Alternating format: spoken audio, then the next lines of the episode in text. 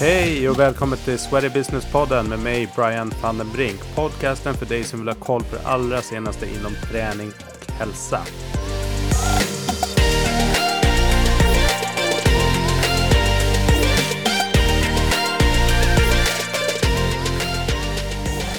Välkomna tillbaks till ytterligare ett avsnitt av Sweaty Business-podden. Den här veckan har jag med mig en gäst som är, eh, jag skulle säga, väldigt inspirerande och också svårfångad. Svår att kapsla in i liksom, vem är den här personen? Men han är entreprenör, han är investerare, han har varit nominerad till Årets chef, eh, numera även författare.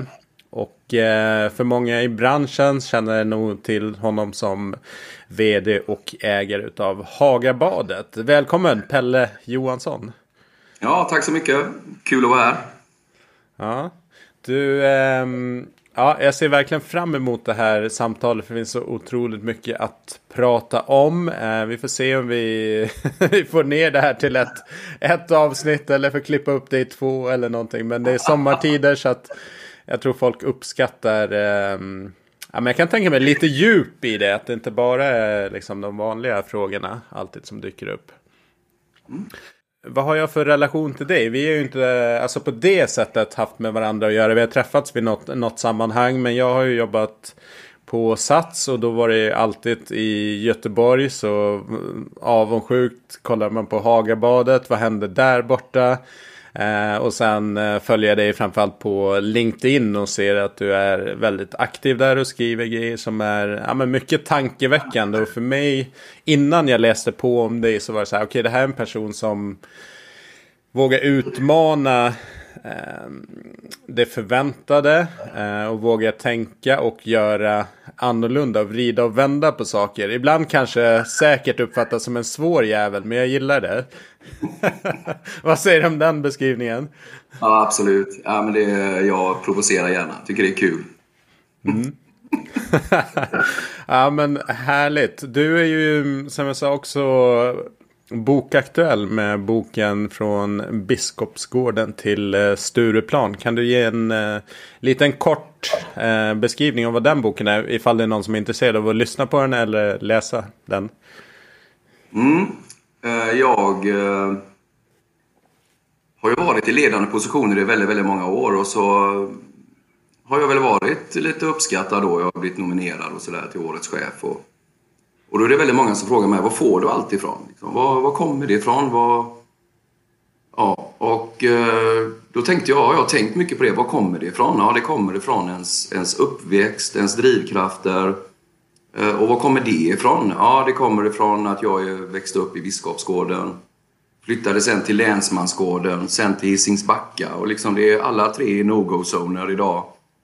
Eh, det var det inte då, men då var det mer arbetarklass. Det var jobba med det som din pappa jobbar med. Och det var ju tur att inte jag gjorde det, för han är alkoholist. Men, eh, så han var parkbänksalkoholist och eh, hade väl ingen höjdarrelation med honom. Och vad, vad kommer ur det liksom? Ja, det kommer mycket, mycket som formar en som människa. Eh, sen var, blev jag ju arbetare, precis som alla andra, och jag blev elektriker. och tänkte väl att det där var någonting som jag bara ska göra, för min farfar var elektriker. Och sen en vacker dag så upptäckte jag hos mig själv att jag inte, jag behöver ju inte vara elektriker om inte jag vill. Jag, utan jag kan ju få liksom den drivkraften, frihet som jag är ute efter. Jag visste inte om att det var det då. Jag ville bara, jag ville bara liksom tjäna deg och tjäna pengar. Inte så att man skulle bli miljonär, utan det, man hade inte de eh, tankarna då. Utan då var det mer typ så här, hur mycket pengar behöver jag för att ha ett gott liv? Och gott liv för mig var att inte spara ett helt år för att åka två veckor till Mallorca. Eh, eller att spara allting. Jag var, var värdelös på att spara. Jag brände alla pengarna jag hade. Och tyckte att spara, det får man göra när man blir gammal. Eh, jag har aldrig pensionssparat och sådär. Eh, och då var jag tvungen att skola om mig. Och fick börja på komvux. Läsa in enkla ämnen. För jag var kass i skolan, hade ingen motivation i skolan. Hade inga förebilder, ingen i min släkt hade gått på universitet. Så jag kände väl att eh, jag måste göra någonting.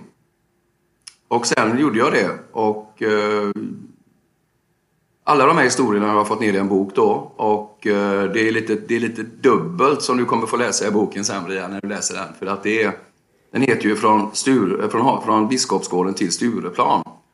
Och egentligen avslutas det där med eh, på något sätt när vi börsnoterar World Class. Det var en stor grej för oss. Det var ju helt katastrof egentligen. Vi, vi behövde ju varenda krona vi kunde få in. Vi begärde 30 miljoner, eh, fick in 18. Det kostade 4 att göra emissionen. Så vi hade 14 miljoner kvar, skulle ha 30. Eh, det var 2008, det var finanskris. Eh, vi var de enda bolaget som noterades den hösten. Så till och med Dagens Industri skrev till och med halvlyckad emission. Nu hade de skrivit mm. misslyckad emission. Men, men det var också så att jag blev nedslagen på Stureplan och var nära att dö. Och, eh, så det finns liksom två där, från Biskopsgården till Stureplan. Det är inte bara det här eh, halleluja, sätta bolag på börsen, utan det är också en upplevelse som blev ganska allvarlig. Som gjorde att jag egentligen kände att jag måste flytta hem till Göteborg. Eh, mina barn började bli större. Eh, alla de, här, alla, de här, alla de här erfarenheterna jag har fått genom de här åren har jag skrivit ner i den här boken. Och, eh, så det är, det är en ledarskapsbok egentligen som, som bygger på någon form av historia som är sann. Och jag har tröttnat ganska mycket på, på konsulter som berättar vad andra konsulter säger. Utan jag vill gärna berätta någonting som vi har gjort, de facto gjort och visat sig bli framgångsrikt. Så att det var väl det jag kände. Så det är, det är en bok för de som vill bli eh, eh, framgångsrika ledare men också att leda sig själv. Eh, några små tips. Jag fick senast igår ett, ett, ett mejl från en kille som jag inte vet vem det är någonstans i Sverige som skriver att han skrev så pennan glödde och eh, han kommer ta med sig tipsen resten av sitt liv. Och eh, sånt är underbart att få. Och det är wow. för mig. Det räcker att en person skriver så tänkte jag. och då har man hjälpt en person liksom. Så att det är man tänker ju så här, vem fan är jag att skriva en bok? Det, det, men det, det blev bra. Vi har sålt ganska bra. 80% av alla böcker säljer under 1000 ex. Mm. Det görs väldigt, väldigt mycket böcker. och eh, det är svårt att komma upp på listorna. Det är svårt att komma upp på... Nu ligger den ju på Adlibris, den ligger på Bokus. Men om de inte marknadsför den så är, det ju, då är man ju helt rökt egentligen. Så att eh, man är väl på sidan 18 där av ledarskapsböcker. och då, då blir det ingen nyförsäljning. Så det, det är väl ändå ett långt svar.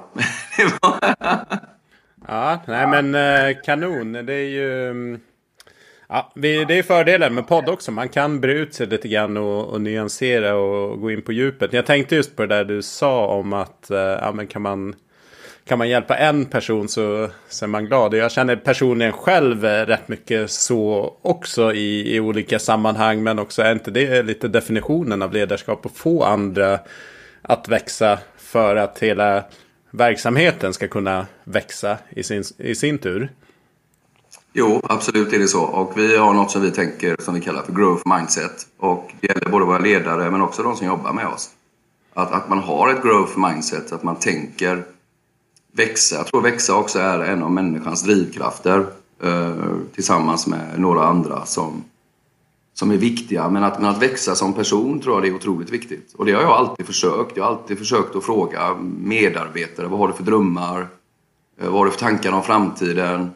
Och sen eh, några år senare så kan jag, uppleva, upp, jag kan ge dem de drömmarna.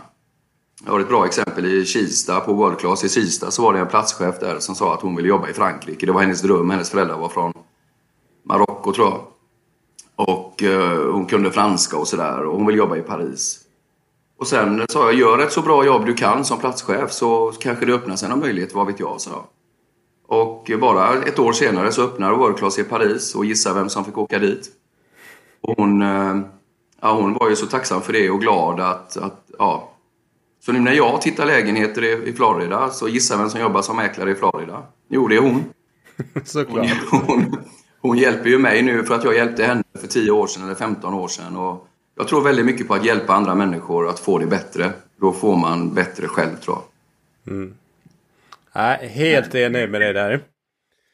Du, en sista grej innan vi, vi brakar in i mitt frågebatteri. Det här med, mm, jag är uppväxt på, på Gotland eh, och i mångt och mycket liksom också ett arbetarklass eh, samhälle historiskt. Nu har kanske demografin förändrats eh, en del, särskilt under pandemin när många stockholmare och andra köper upp eh, bostäder så att inte gotlänningarna har råd. Eh, men just det här att eh, att det är ett mindset, att man är på ett visst sätt. Så här är vi. Och den som försöker liksom ta sig ur det kan lätt bli liksom förlöjligad. Liksom. Och det känns nästan som att hela gruppen vill dra in, rätta in folk i ledet. För jag tänker på din, din story här att um, Ja men egentligen det är du som bestämmer dig för att göra något. Det är liksom inte din, din omgivning är ju egentligen inte, det är ju inte entreprenörskap och liksom kanske de stora drömmarna. Sådär. Vad, vad är det som mm, tror du har gjort att just du har tagit dig vidare och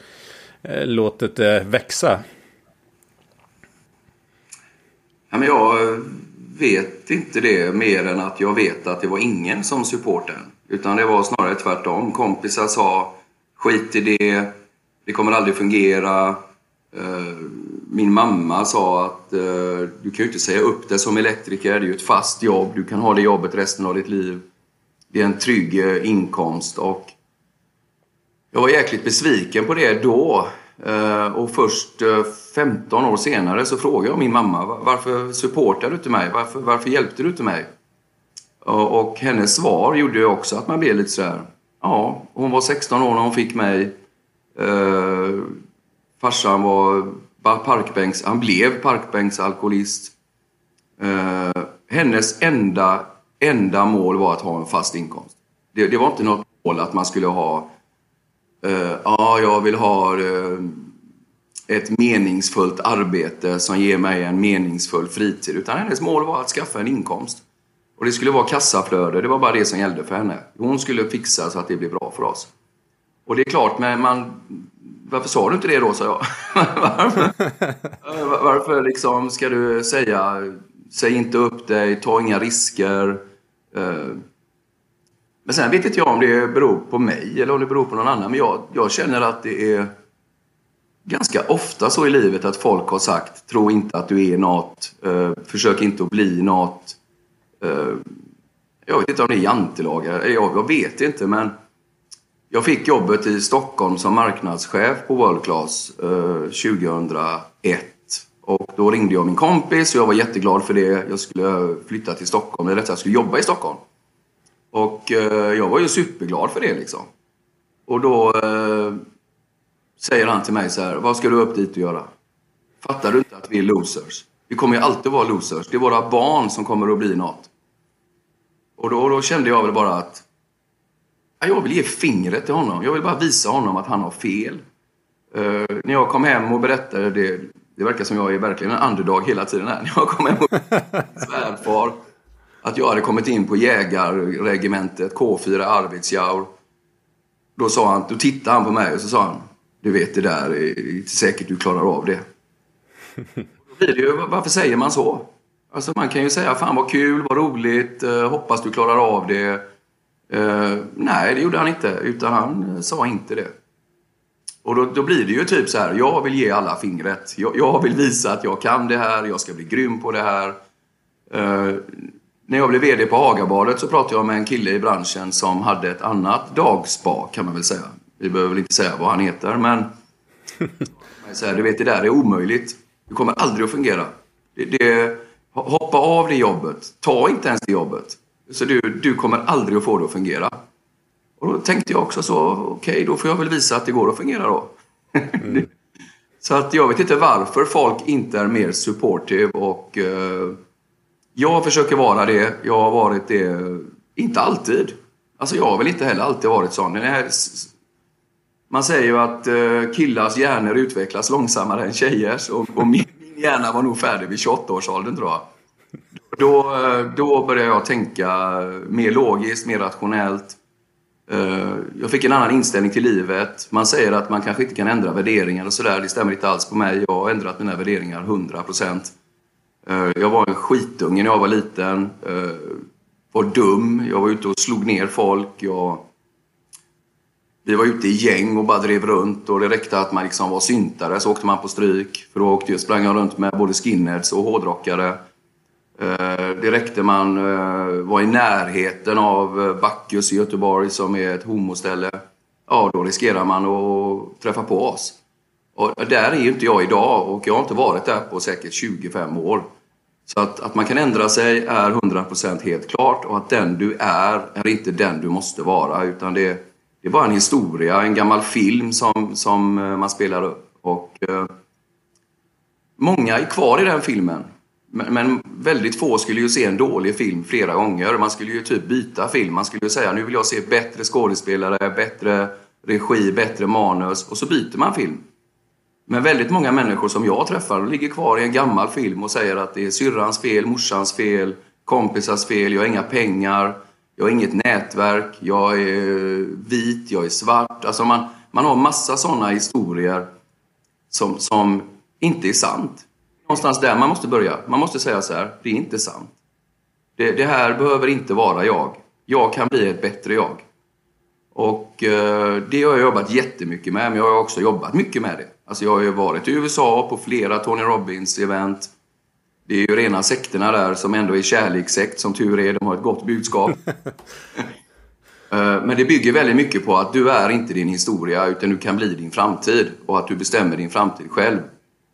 Uh, reach out for your destiny liksom. Det, det, du har ditt öde i dina egna händer. Och jag har ju pluggat, sen efter det har jag ju pluggat på Handelshögskolan. Jag har ju pluggat på IFL som är Handelshögskolans ledarskapsprogram. Och träffat andra människor med eh, typ samma bakgrund, samma uppväxt. De, de, de har bestämt sig för att detta är inte deras liv. Mm. Eh, så det tycker jag är jag kan inte svara på varför just jag har blivit sån, men jag försöker få andra att bli såna också. Uh, yes, tänkte yeah. att uh, morgondagen har vad morgondagen har framför sig och du kan vara med och bestämma om det. Om du vill. Mm. Om du det ett uttryck i USA som heter drifters. Det är ju människor som, som går runt på jorden hela sitt liv. Och sen när de, innan de dör så ångrar de allt de inte gjorde. Och, uh, jag vill inte vara sån. Jag vill inte ångra det jag inte gjorde. Nej, det tror jag inte att du är heller. Så att nej, det är superinspirerande eh, verkligen. Så eh, nej, boktips eh, för sommar, sommarhängmattan eller vart ni nu befinner er.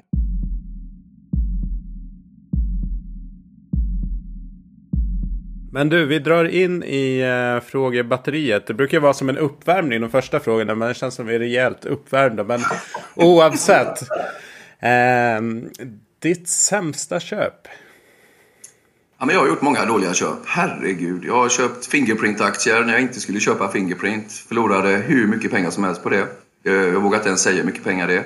Men jag har också köpt ett Actic gymkort som jag skulle träna på helgerna nere i Frillesås eller i Åsa. För 2975 som jag tränade en gång på. Så att eh, det var det dyraste träningsbesöket jag har gjort. Eh, så jag får väl säga gymkort man inte använder och eh, vi jobbar väldigt mycket för att man ska använda sina träningskort. Det här gör dig förbannad? Otroligt sällan förbannad utom på golfbanan. Där blir jag sjukt förbannad. För jag blir så besviken på mig själv. Jag vet vad jag ska göra, jag kan göra det, jag vet att jag kan det och ändå slår jag klubban rätt ner i gräsmattan. Jag, jag, jag fattar inte. Och det gör mig förbannad. Mm. det är faktiskt enda gången jag är riktigt förbannad. Jag är väldigt sällan arg. Jag är en positiv person. Ja, det är nog bra att inte elda upp sig för mycket. Eh, om du skulle få obegränsat med pengar eh, till ett projekt, ändamål, vad skulle du göra? Mm. Nej, men jag skulle uh, sikta högt. Va? Jag skulle utrota fattigdomen i världen. Uh, jag skulle se till så att folk får det bättre i tredje världen. Så att vi slipper krig och flyktingströmmar. Och eh, sen fixar vi koldioxidproblemet också då med miljön. Obegränsat är ändå ganska mycket pengar på det. Det är ganska mycket. Det går, men det, det, finns utmaningar också i att ha obegränsat. Men det, ibland är det bra att ha begränsat så att man vet vad man har att röra sig med. Ja, så är det ju. Ja, bra. Um, vad skulle du göra om du inte gör det du gör idag? Nu gör du ju lite olika saker, men uh, om du inte vore entreprenör och investerare, vad, vad, skulle du kunna tänka dig att du hade landat i då? Ja, det är sjukt svårt. Uh, eftersom jag gör det jag gör idag. Men, uh, ja, men jag hade nog gärna suttit på någon ställe i Karibien och skrivit böcker. Uh, absolut. Um, det har jag gjort. Mm. En app som du använder mycket? Mm. Uh, Spotify, YouTube. Uh, det är ju två appar, förlåt. du, var, du var snabb med dem så att båda kommer med. favoritträningsform? Ja, men jag tror inte jag har någon, men jag skulle säga styrketräning och löpning för att jag eh, har hatat löpning i 80 procent av mitt liv tills jag plötsligt eh, kom på att jag behöver inte vinna över mig själv, jag kan springa och njuta. Så nu kan jag stanna och titta på blommor och sånt och, och det har säkert något att göra. Ja, men löpning är skönt att kunna förflytta sin egen kropp eh, hyfsat långa avstånd, 7-8 kilometer, och ändå klara det. Det är någon god känsla i det. Mm. Håller med. Här gick det åt helsike. Mm. Det gjorde det ju faktiskt när vi startade ett IT-bolag 98, eh, jag och en kompis från IOM. Och vi kom på då att eh, norska aktiebolag heter ju aktiesällskap i, eh, istället för aktiebolag. De heter ju .AS. Och, eller de har ju AS som sista. Och eh, då var ju Norge.no, det är, en, det är no, det är negation. Så vi tänkte att norska aktiesällskap vill säkert ha .AS istället. Och då åkte vi över till New York, träffade en advokat som representerade amerikanska Samoöarna. Så då köpte vi adresser av dem. Vi köpte 10 000 adresser och sen började vi jobba med, mot den norska marknaden. 1998 i Stavanger så var det ingen som hade mail och sen köpte vi ett adressregister från norska Patent och registreringsverket. Så när vi ringde till, till dem via en telemarketingfirma så hade, så hade de dött. Så att det var liksom inte uppdaterad kunddata direkt. Och sen så köpte jag en Aftonbladet. Och, eller jag såg på löpsedlarna att eh, köper du en Aftonbladet idag så får du en .as-adress. Och då hade den här advokaten i New York släppt 100 000 AS-adresser till, eh, till Aftonbladet. Så vår produkt blev helt värdelös. Eh, vi gick, jag gjorde konkurs. Det var absolut en lärdom, herregud, att göra det. Och det var vänner som hade investerat. Det var fruktansvärt, tycker jag personligen. Jag satt och grät, satt och lipade utanför tingsrätten i Göteborg. Satt där på trappan och bestämde mig för att om det så är det sista jag gör så ska jag betala tillbaka varenda krona till mina vänner. Och faktum är att förra året gjorde vi det. Eller om det var två år sedan. Två år sedan betalade jag tillbaka det sista. Vilken story. Du, eh, ditt bästa tips för återhämtning? Det bästa tipset för återhämtning tycker jag är att göra ingenting. Eh, jag har en förmåga att kunna göra ingenting. Eh, och ingenting för mig är att man går utan att ha prestation. Eh, man stannar, tittar ut över någonting man tycker är vackert. Det kan vara att titta långt. Man behöver inte bo nära. Alla pratar ju om havet. Jag råkar bo vid havet. Men man kan titta långt bara. Det är bra för människan att se långt. Eh, så göra ingenting. Det tycker jag är... Och det blir ju fel när jag säger då promenader, för det är ju att göra någonting. Eh, jag kan också sitta i min fåtölj med ett glas vin och verkligen inte göra någonting annat än att bara sitta där. Ja, det låter konstigt. Nej, nej, men jag förstår vad du menar. Eh, om du fick gå tillbaka i tiden och ändra ett beslut som du har tagit. Vad skulle du ändra? Jag har tänkt väldigt mycket på den frågan. Jag, jag eh, har inget bra svar på den. Jag, vilka beslut ska man ändra? Herregud, man har ju tagit, tagit miljarder beslut. eh, och ingenting man tror då är det som är fel kan ju bli rätt några år senare. Och det som är rätt kan bli fel några år senare. Så att jag har inget beslut som jag ångrar. Nej. Och sista på första blocket då. Eh, det ska bli väldigt spännande att höra vad du tänker här då. Att eh, det här behöver träningsbranschen tänka om kring. Men jag tycker att träningsbranschen, och jag har ju varit i den väldigt, väldigt länge, och du har ju pratat med andra eh, besökare och gäster också, och det är ju väldigt mycket prat om pris. Eh, jag tycker att det priset man betalar idag eh, och det är samma pris som för 20 år sedan. Men löner har gått upp, hyror har gått upp, allt har gått upp. Ja, jag får inte det att funka. Men jag tycker också att träningsbranschen blir väldigt mycket generisk. Det ser likadant ut eh, överallt och du kommer ju komma till det sen när det gäller kedjebildning. Men i många andra branscher försöker man hitta sin egen lilla ocean att simma i för att eh, slippa bli uppäten av större hajar. Eh, eller att man inte finns några fiskar alls där och det är ju perfekt. Eh, det tycker jag eh, gymmen inte gör så bra. Plus att de är påhejade av leverantörerna. Jag tycker leverantörerna är bra, men de har ju liksom svarta maskiner eller vita maskiner. Det är fortfarande maskiner. Och de borde kunna göra så mycket mer, tycker jag. De har ju en kompetens som är över hela världen. Eh, men de kommer inte och ställer frågan... Vi håller på med en upphandling nu på nya gymmaskiner. De ställer mm. frågan efter vår brandbook. Alltså, vad har ni för brandbook? Hur, hur vill ni att det ska se ut? Vilken känsla ska ni ge? Eh, utan de eh, kommer med en offert bara. Här har ni svarta maskiner. Ja, men det hade jag ju kunnat göra själv. Alltså, vi behöver ju inte ens ha en leverantör då. Eh, och då blir det ju naturligtvis fokus på pris. Om alla ser likadana ut och levererar exakt samma sak och vi är ju världsbäst i vår bransch.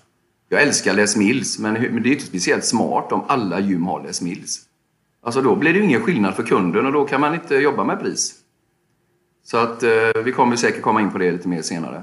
Men jag tycker att det blir för generiskt, det ser likadant ut, man härmar varandra och försöker inte göra sig själv speciell. Vissa som gör sig speciella tycker jag gör det bra. Och då är det andra som plötsligt kopierar dem så blir de inte speciella längre. Mm. Jag tycker Roger faktiskt eh, med sitt Member 24 gör det bra. Har gjort det väldigt bra. Uh, lite unikt, lite speciellt. Det är fortfarande gymmaskiner, men det är en annan känsla när man går in där. Det tycker jag är bra. Mm. Ja, det är ett spännande ämne. Jag har ju jobbat på en utrustningsleverantör eh, som är internationell. Och eh, det kan upp, jag, jag, jag, ger det definitivt rätt i att eh, de, leverantören kan göra mycket mer. Samtidigt så är eh, när vi hade internationella möten eh, i det här företaget då, så var ju de internationella ofta väldigt eh, förundrade över att svenska marknaden faktiskt särskilt att det var så många som ville ha samma som de andra hade gjort. Så att man, första frågan var alltid, ja men vilka andra har det här? I syfte att liksom, okej okay, funkar det för dem så kommer det kanske funka för oss. Medan eh, till exempel då Italien som, som Technoym i det här fallet är ifrån så var det nästan tvärtom. Så här, har de det här så vill inte vi ha det. Vi vill ha någonting mm. annat för att, för att särskilja oss. Vi vill absolut inte vara exakt som, som dem. Så det är ju någonting där också i, jag vet inte, i mentaliteten eller hur man, mm. hur man ser på det. Att man försöker ta någon slags blueprint och så applicera mm. det på sin egen verksamhet. Att okej, okay, funkar det för den där kedjan, ja men då kan vi också göra exakt samma grej. Mm. Det är konstigt. Mm, det är det. Och det kanske, kanske har funkat för en del eh, fram till ett tag. Men eh, nu när man, man ser alltid att det finns mycket på marknaden. Klar, men det finns ett stort utbud på marknaden. Men ganska likriktat sådär. Och då, då blir det precis som du säger. Det blir svårt att särskilja sig på pris. Att, varför ska du betala mer för någonting som du kan få nästan exakt samma för en billigare peng någon annanstans. Så det är ju kundperspektiv så det är logiskt att kanske inte betala mer än vad man, vad man måste. Medan eh, om man försöker göra någonting annorlunda som är mer exklusivt i det hänseendet så, så kanske också eh, bättre förutsättningar för att faktiskt kunna ta betalt för tjänsterna mm. som är rimligt.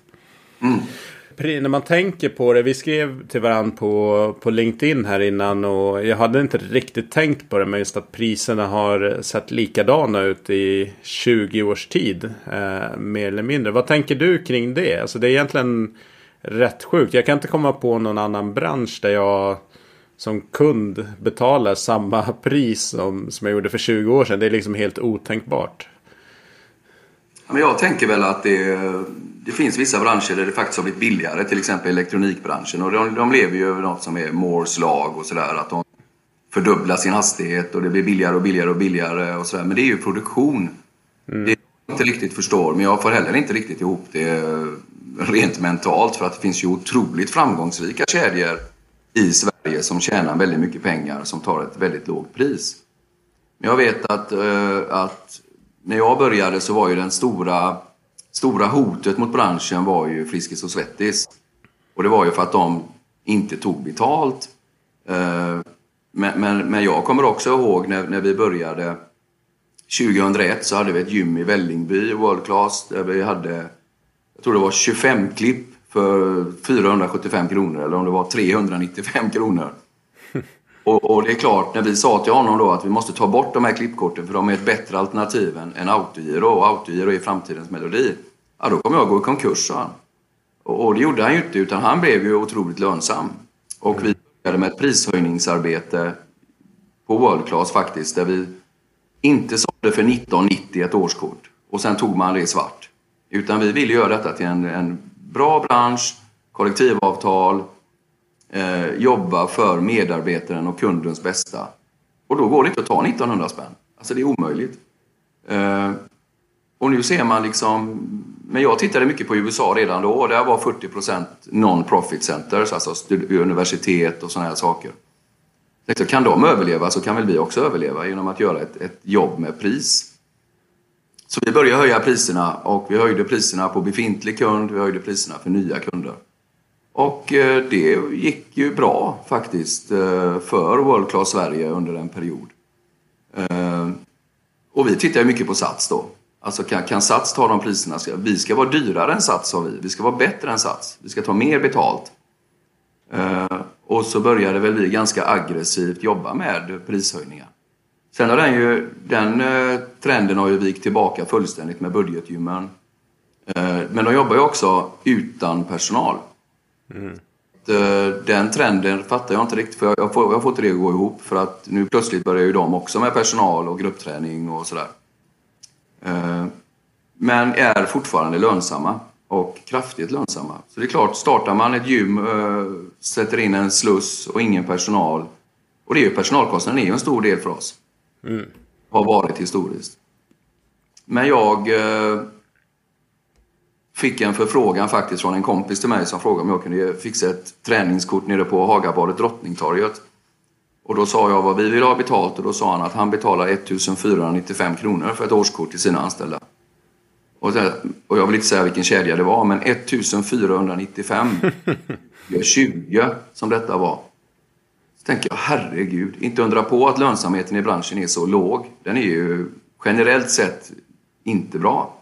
Mm finns vissa som sticker ut åt andra hållet och det är klart att det är, det är imponerande men då har de heller ingen personal. Nej. Nu försöker man göra någon hybrid. Man ska både ha personal och inte personal. Uh, ja, jag tror det är svårt. Uh, jag tycker fortfarande lönerna i vår bransch är skitdåliga. Uh, jag skäms när jag läser tidningarna. Jag skäms när jag ser när jag attesterar våra löner som jag gör varje månad. Eh, och försöker tänka att vi ska försöka, och det har vi också gjort, vi har höjt de lägsta lönerna. Vi vill ha ett, vi vill ha ett folk som jobbar i vår bransch länge. Och inte bara 20-25-åringar som står i repan, tjänar 22 000 i månaden. Alltså det, det är väl inte bra. Nej, Nej det hänger ihop. Att ha en eh, välmående verksamhet och att kunna investera vidare i verksamheten och i, i personalen också. Mm. Mm. Så är det. Men du, Hagabadet för den som inte har koll. Eh, lite bakgrund där, du var ju inne på det, men du tog ju över som, eh, som vd efter att det hade varit en väldigt turbulent, eh, kan man säga, tioårsperiod. Åtta vd mm. läste jag och eh, ett företag som gick, eh, gick back och du fick dessutom eh, rådet av din vän där att absolut inte hoppa på det där. Mm. Ehm, men vad, vad är Hagabadet för den som inte har koll då? Hagabadet är en, ett, ett dagspa kan man säga. Eh, som erbjuder eh, massage, träning, personlig träning eh, och gör det i fantastiska miljöer. Hagabadet inne i Haga är ju från 1876. Eh, det är byggt för att utrota ohälsa i Göteborg. Eh, det byggdes för att det var koleraepidemier i Göteborg som man inte visste hur man skulle göra och plötsligt kom man på att hygienen är viktig. Man skulle få göteborgarna att bada. Och det var verkligen sant. Det var ingen som badade på den tiden. Utan man, man hade inte det och eh, då byggde man eh, Renströmska bad och tvättanstalten som det hette på den tiden. Det, 97 kom man väl på att man skulle antingen riva skiten eller bygga om det och renovera det och restaurera det. Så då gjorde man det 1997. Och eh, återigen så sa man att det ska vara för sundheten, hälsovården och snyggheten. Samma som vår donator sa 1870. Så att eh, vi jobbar väl med det. Eh, vi är väldigt stora på yoga. Eh, störst i Sverige faktiskt. Och eh, vi är väldigt stora på vattengympa självklart. Eh, vi har en stor bassäng i en fantastisk 1800-talsmiljö. Eh, så vi jobbar väldigt mycket med alla sinnen skulle jag säga. Doft, ljus, ljud och inre miljöer. Mm. började på Hagabadet 2010 så sa de till mig att vi ska försöka ändra kundgrupp. Vi vill ha in yngre människor. Här var det bara gamla människor. Och det var 1450 medlemmar och det var väldigt hög snittålder, 60 år. Och eh, de ville börja med dans och unga människor. Eh, men då kom jag in, som tur var, och tänkte att de här 1450 personerna eh, trots allt var medlemmar på Haga. Trots att det var störningar i ledningsgrupp, störningar bland personal, folk vill inte jobba där. Eh, du säger att ni sneglade lite på Haga. faktum var att när jag var nere på gamla World Class, Sheraton som det hette då på den tiden, då tog vi med oss folk bort till Haga för att, för att lära folk hur det inte ska vara i en reception. Eh, det var, energin var död.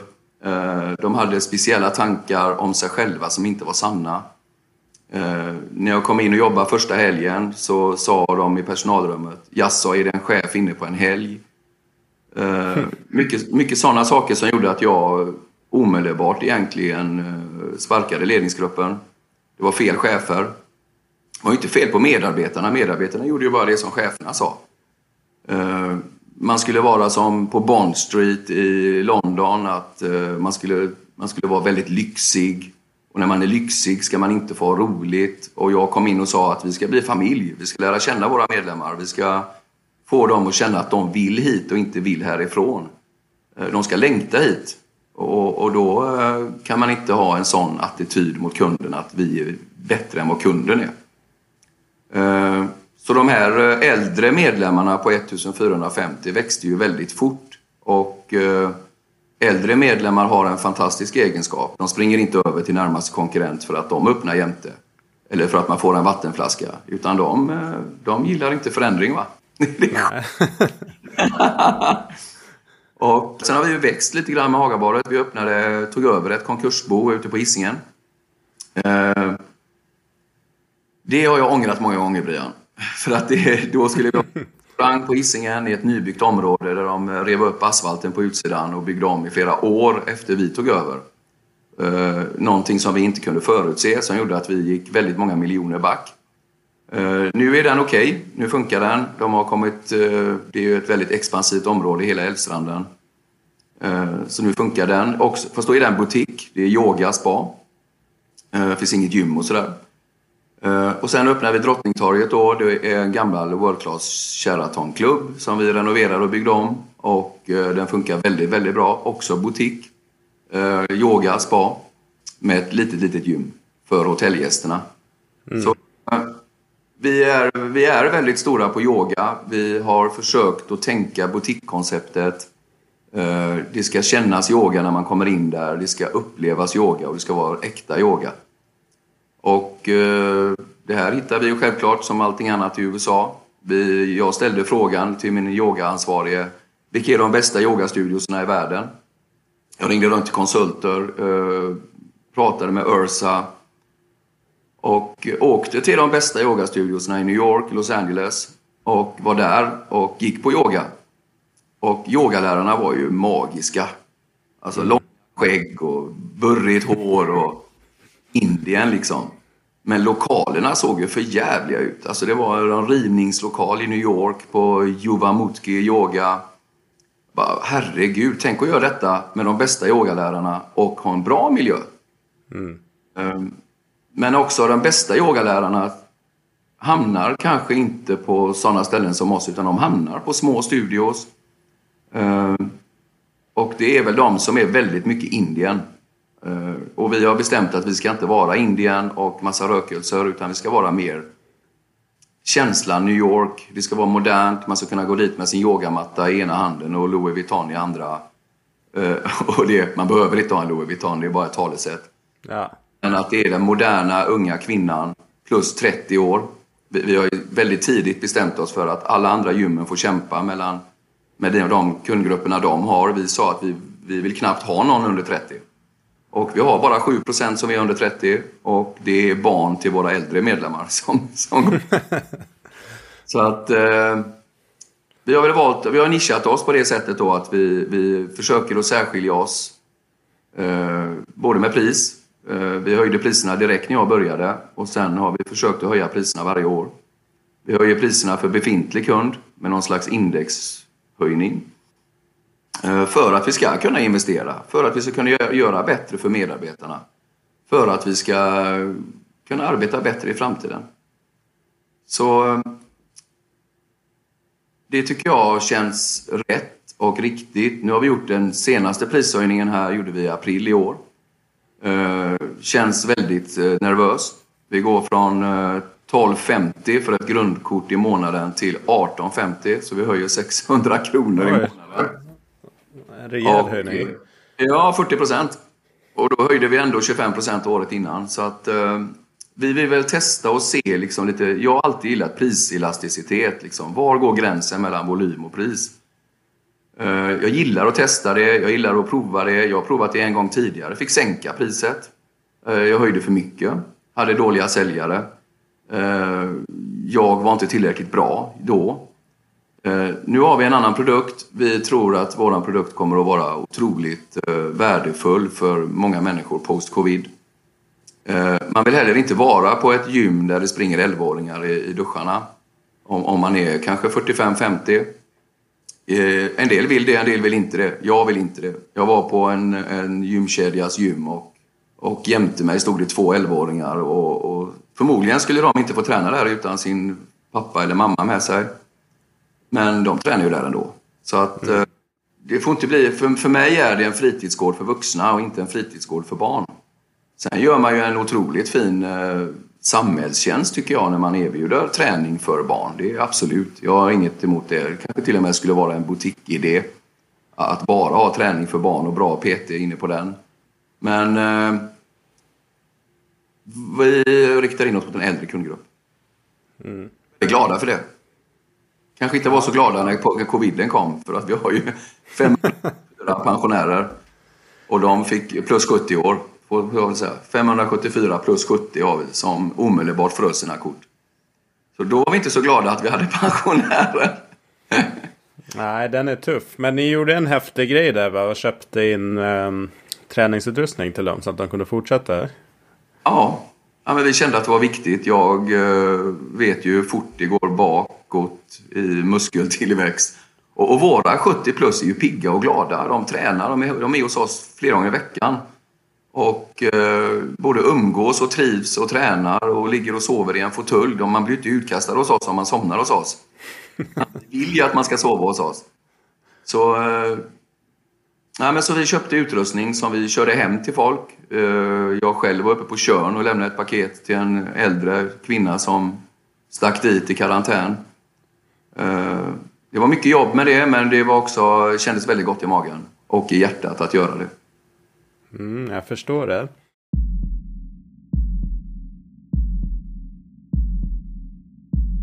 Min nästa fråga det är just kring eh, stark kundrelation. I den här, man pratar länge om kundlojalitet och jag tycker den Äh, det har för mig aldrig låtit jättebra för att lojalitet den går ju åt båda håll liksom. Jag vet inte hur lojala Eh, gymmen har varit gentemot eh, kunderna och, och vice versa. Det känns som man har försökt liksom eh, buda över eller under varandra för att liksom sno varandras, varandras kunder. Och så ska man ändå samtidigt prata om lojala kunder fram och tillbaka. Men hur ser du på liksom, det här relationsbegreppet och hur man bygger en, en, en vettig relation med, med sina kunder så att de vill stanna? Men jag tycker väl inte att det finns någon strategi eh, hos gymmen överhuvudtaget. Eh, de, de säljer ett gymkort, gärna på nätet. Och sen så släpper de in dem genom en spärr. Och det här drivs ju av våra leverantörer. De älskar ju att sälja spärrar och så säger de att du sparar personalkostnader. Men du missar ju hela den här mänskliga interaktionen med, med de som vill ha en mänsklig interaktion. Uh, jag tycker också att man säljer ett gymkort, sen tar man inte hand om kunden. Uh, man säljer egentligen access till ett rum med maskiner det som skapar lojalitet är ju gruppträningen. Det är, det är ju instruktörerna. Var, varje interaktion de har med, eh, med kunderna. Och där är det och alltid varit superviktigt. För instruktören älskar ju att vara instruktör. Jag älskar också att vara instruktör. jag är instruktör. Men jag, min förmåga har alltid varit att, att spelar ingen roll om jag har 40 spinninggäster eller sådär, så att jag, då ska jag se den som inte vill bli sedd. Och eh, många blir väldigt förförda av de här som sitter längst fram eller står längst fram, de här som vi kallar för 20-procentarna. Men den som står och gömmer sig bakom pelaren eller som ställer sig längst bak, det är ju den människan instruktören ska se. Då, då, då blir det magi. Jag... Eh, vi har faktiskt, efter att ha varit i USA i flera år och studerat det här fenomenet, så har vi faktiskt att varje kund måste träffa en, en hälsoinspiratör, kallar vi dem. Då är det friskvårdspersonal, nu ska vi faktiskt ta in lite mer KBT, coacher. Eh, då träffar de en sån och sen så får de träffa tränaren och sen så får de göra ett program som vi har som man ska göra inom 30 dagar. När man har gjort det inom 30 dagar då får man gåvor, då får man liksom gratifications för att man har klarat det. Och eh, efter, sen ringer vi upp dem om de inte kommer till oss.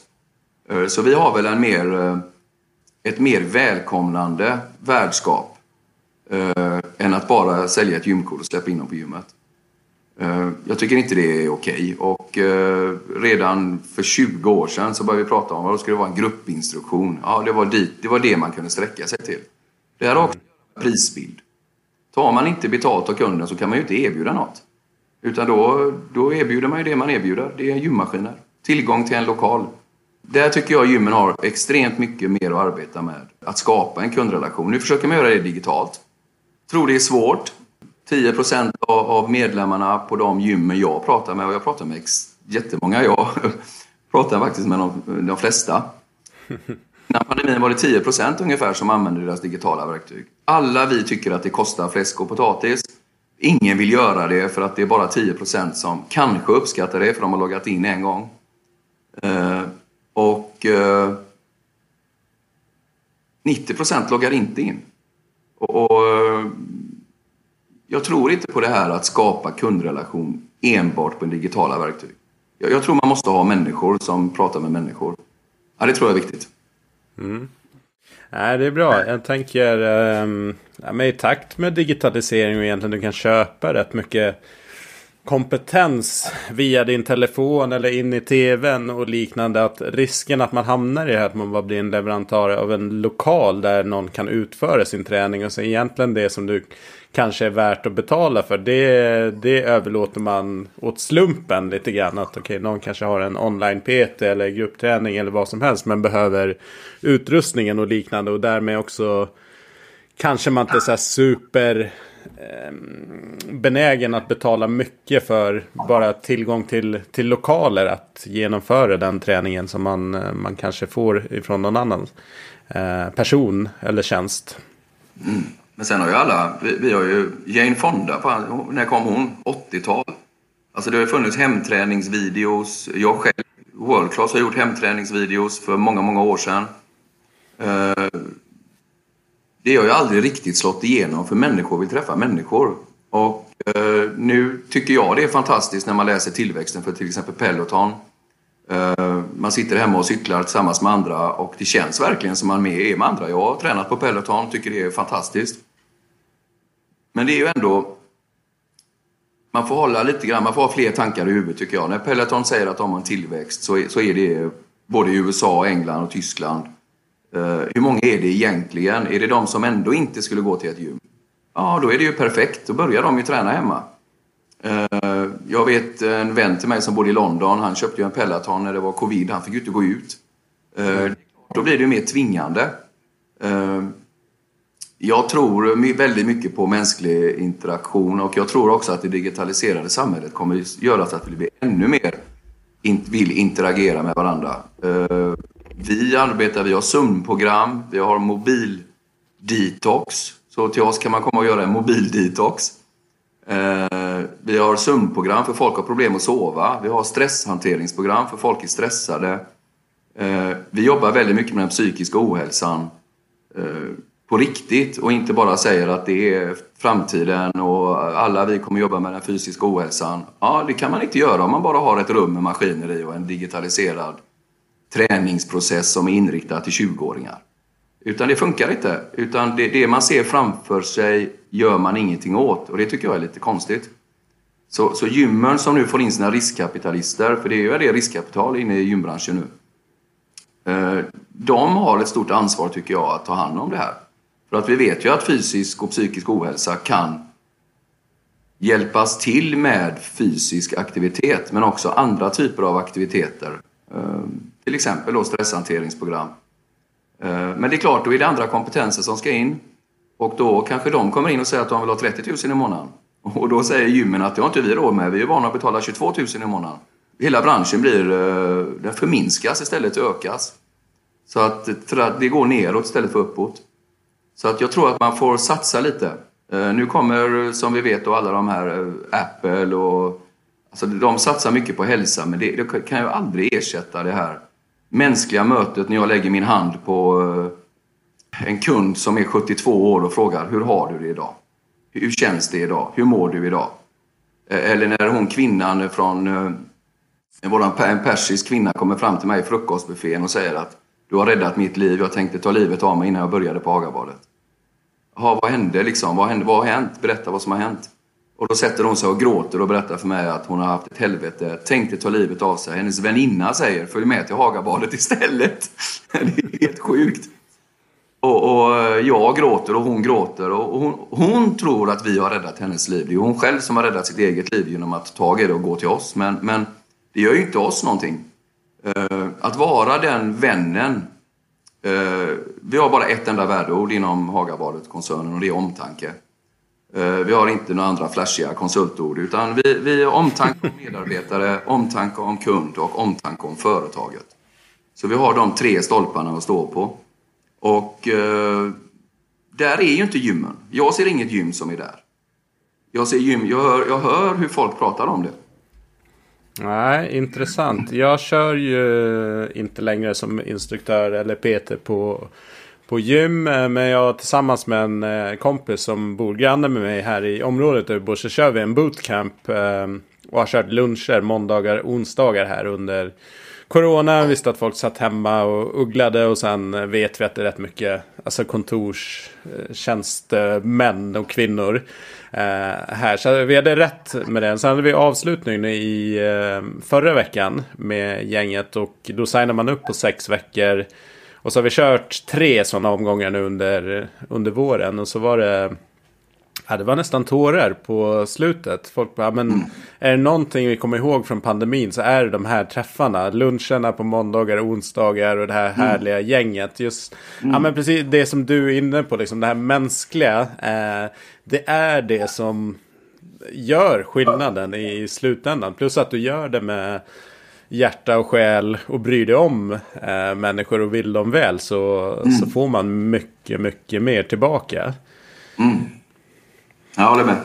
Men det, apropå digitaliseringen generellt, vi kommer ju inte ifrån att, att det är ju en generation eller flera generationer nu som växer, växer upp med telefonen i handen och liksom är uppkopplade mer eller mindre hela, hela vägen. Hur ser du på den eh, trend är det inte. Men den utvecklingen och hur, hur man kan, eh, hur tänker ni kring att parera det? Ja, men jag tror uh, att det är svårt att bromsa den utvecklingen. Men man får liksom bara man kan ju välja att simma emot eller simma med strömmen och här är nog bara att åka med tror jag. Men jag tror också att, eh, jag har ju själv barn, 17 och 20 år. 17-åringen har ungefär 6 timmars mobiltid om dagen. Och eh, jag blir ju lika förfärad varje gång eh, när jag ser detta och försöker prata med henne om det. Eh, men då är det ju allting. Det är ju Spotify, det är, man lyssnar på någon podd, man tittar på YouTube. Så det är inte bara TikTok och sån skit. Men, men jag märker också att hon har börjat träna på gym. Och eh, hon ville ju inte det i flera år faktiskt för att pappa ägde ett gym. Men eh, nu har hon blivit lite äldre. Hon och 21-åringen tränar på gym och det jag ser är att de får ju väldigt mycket inspiration från YouTube, andra Instagram, Uh, Insta har ju gjort att tjejerna börjat träna styrketräning tror jag. För att plötsligt ligger de och gör liksom höftlyft med 140 kilo. Och de vågar ta i. Jag älskar det. Uh, det jag funderar på med 5G och den konstanta uppkopplingen. Ja, kommer vi behöva PTs på gymmen? Uh, kommer PT-verksamheten se ut som den har gjort hittills? Varför ska du stå där om du har en, en de kallar ju dem för vänner. Min, min dotter är influencer och har 300 000 följare på Youtube. De okay. är vänner. De är ju vänner typ. Och så bara, okej, okay, ja men det är mina vänner. Okej, okay, kan man se det som en vän? Uh, hur, hur kommer det bli med 5G? Med, med, kan du gå in på gymmet med VR-glasögon och träffa din PT på gymmet? Uh, ja, då kanske vi inte behöver PT. Då kanske PT behöver mer utvecklas till att bli mer uh, precis så som vi tänker nu, tror ju vi då att det blir mer coacher, livsstilscoacher, uh, andra typer av coacher än att räkna till åtta. Jag är också utbildad PT, jag har jobbat som PT.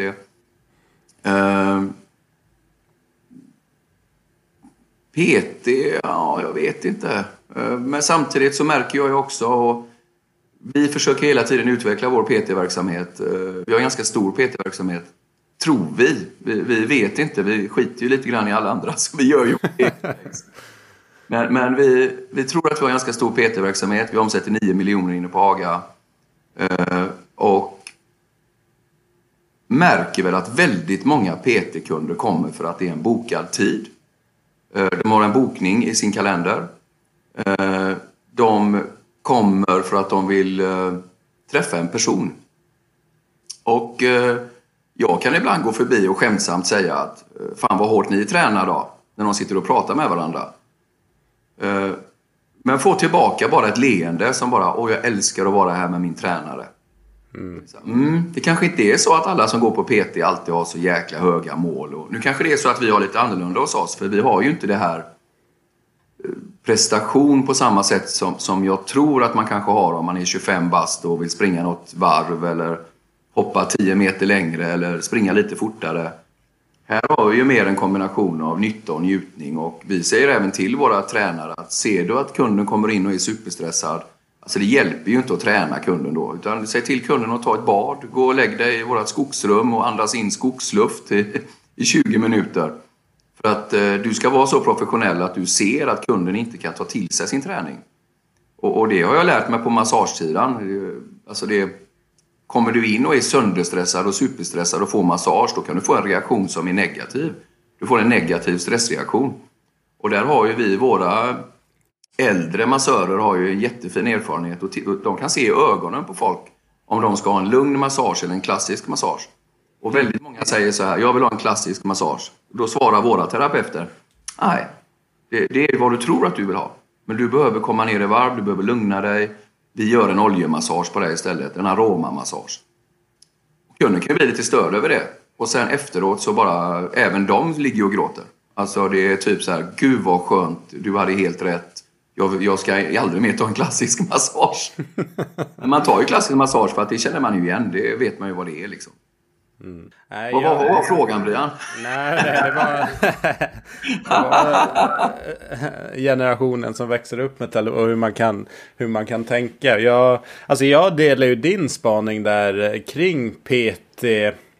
Att um, Ja, vi får se hur det blir. Det, det, det, är många olika aspekter av det. Men just det att träffa någon och, och att uh, ha en bokad tid.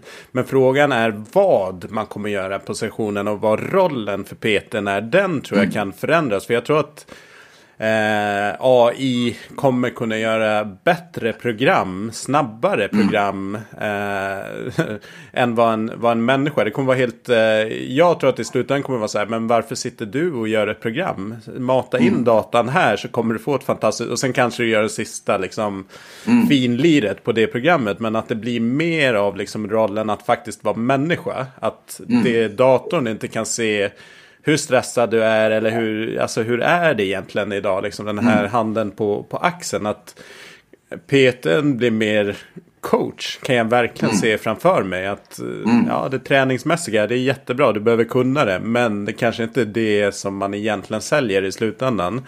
Och vi är nog redan där som du, som du säger att ja, många som kör med PT, ja, minst lika stor del så handlar det om att träffa någon, diskutera helt med någon person som inte är färgad utav eh, övriga livet som man är involverad i med, med dem.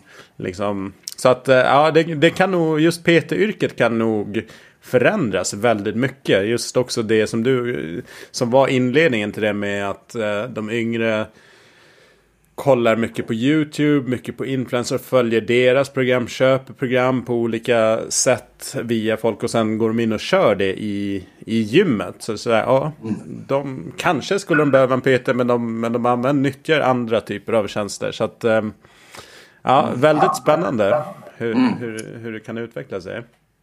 Jag tränar ju på ett gym nere i Åsa som, eh, där det är väldigt mycket yngre. Och de, de har ju sina mobiltelefoner som visar hur de ska träna. Mm. Det är klart att det... Jag har också investerat i, i, i ett bolag som har tagit fram en, en app som du använder mobilkameran för att se om du gör rätt rehabiliteringsövningar när du får, eh, får rehab. Och eh, i Tyskland, tyska försäkringsbolag har köpt den appen för att de vet ju att om folk gör sina övningar och gör dem rätt så kommer de snabbare tillbaka till arbetslivet. Så att så som det är nu när du går till en sjukgymnast och du får en sån här streckgubbe som visar hur du ska göra hemma tre gånger i veckan. Det är väldigt få som gör det hemma tre gånger i veckan. Men den här appen gör ju då, då, då säger ju appen till om du gör rätt eller fel till och med. Och, eh, när man ser en PT stå på ett gym och titta ner i sin egen mobiltelefon och liksom inte riktigt ha koll på kunden. Fan, då, då, då, då kan jag tycka att då har man liksom missat hela grejen. Men, men jag håller med dig. AI och eh, hela det här med kamerorna och det kommer nog göra att det blir bättre än människan. Också mata in. Vi har ju skickat iväg våra PT till bli. Vi vill ju bli bäst på äldre. Träning för äldre då. Och äldre säger vi är plus 35 år. Så då, ja, men då börjar skadorna och skavankerna. 40-åringar, ja du vet, det är artros. Så vi har ju skickat våra tränare på medicinska personliga träningar. Eh, att utbilda sig till det. Vi har också tagit in så här träning för äldre, kurser i det. Vi jobbar med professor Tonko Nogi, han är nere hos oss och utbildar våra tränare. Eh, men vi jobbar också med andra sidan i balansen med tränarna. Vi har nere Kerstin Uvnäs Moberg, hon har forskat 40 år på oxytocin. Vad innebär oxytocinet när man tränar? Eh, så vi försöker att göra det, men då är det ju vi som ägare som försöker trycka på det här på våra PT. Och en del tar ju till sig det jättefint och en del tänker att, äh, det är, ja. Men, men då är det också så liksom, ja, är det någonting vi vill när kunden bara vill ha en träningsbuddy? Eh, men jag tänker att den som har fått en stroke, ska, då ska tränaren veta hur ska jag lägga upp ett träningsprogram för den som har en stroke. Men det kommer bli precis som du sa. Kan du mata in det i ett träningsprogram och du kanske till och med får journalen eh, av läkaren så då, då slipper man tänka överhuvudtaget. Då får man ju Mm. Eh, så framtiden är jäkligt spännande tror jag just där. Eh, sen tror jag faktiskt att ungdomarna kommer att välja i alla fall när jag ser på min, kom, min, min kompis, ja hon är min kompis också, men min dotter. Mina döttrar, hur de och hennes kompisar gör. Eh, det är ju fortfarande så att det är inte alla som tränar. De flesta tränar inte. Men de som tränar gör det nog för att slippa sitta framför sin mobil. Alltså man kommer iväg en stund, även om du använder mobilen på gymmet. Så är det inte, du sitter kanske inte med TikTok och Insta, utan du tränar då. Du gör någonting annat. Ja, jag är superpositiv till den trenden faktiskt. Verkligen. Eh, vi var ju inne på det här med kedjorna och ut, utbredningen. Och mm, som jag har förstått det så är ju Sverige en av de mest liksom, kedjedominanta marknaderna faktiskt eh, globalt. Vad tänker du kring, eh, kring det och hur det påverkar branschen? Jag har ju själv varit i kedja, så att... vi har alla varit här. Ja, eller hur? Nej, men det vi tänkte var väl att vi skulle skapa en, en eh, någon form av likformighet så att kunden vet vad de får. Eh, problemet är ju att man blir likformig med de andra kedjorna. Så att, att en kedja inom någon annan bransch skulle kopiera den andra kedjan, det, det händer ju inte. Som du sa med Technogym i Italien och är du på Ursa så är det positionering och differentiering är ju liksom det, det är det enda de pratar om på den sidan Atlanten. Eh, jag är så grymt imponerad av kedjorna i Sverige och jag är grymt imponerad att hälften är göteborgare.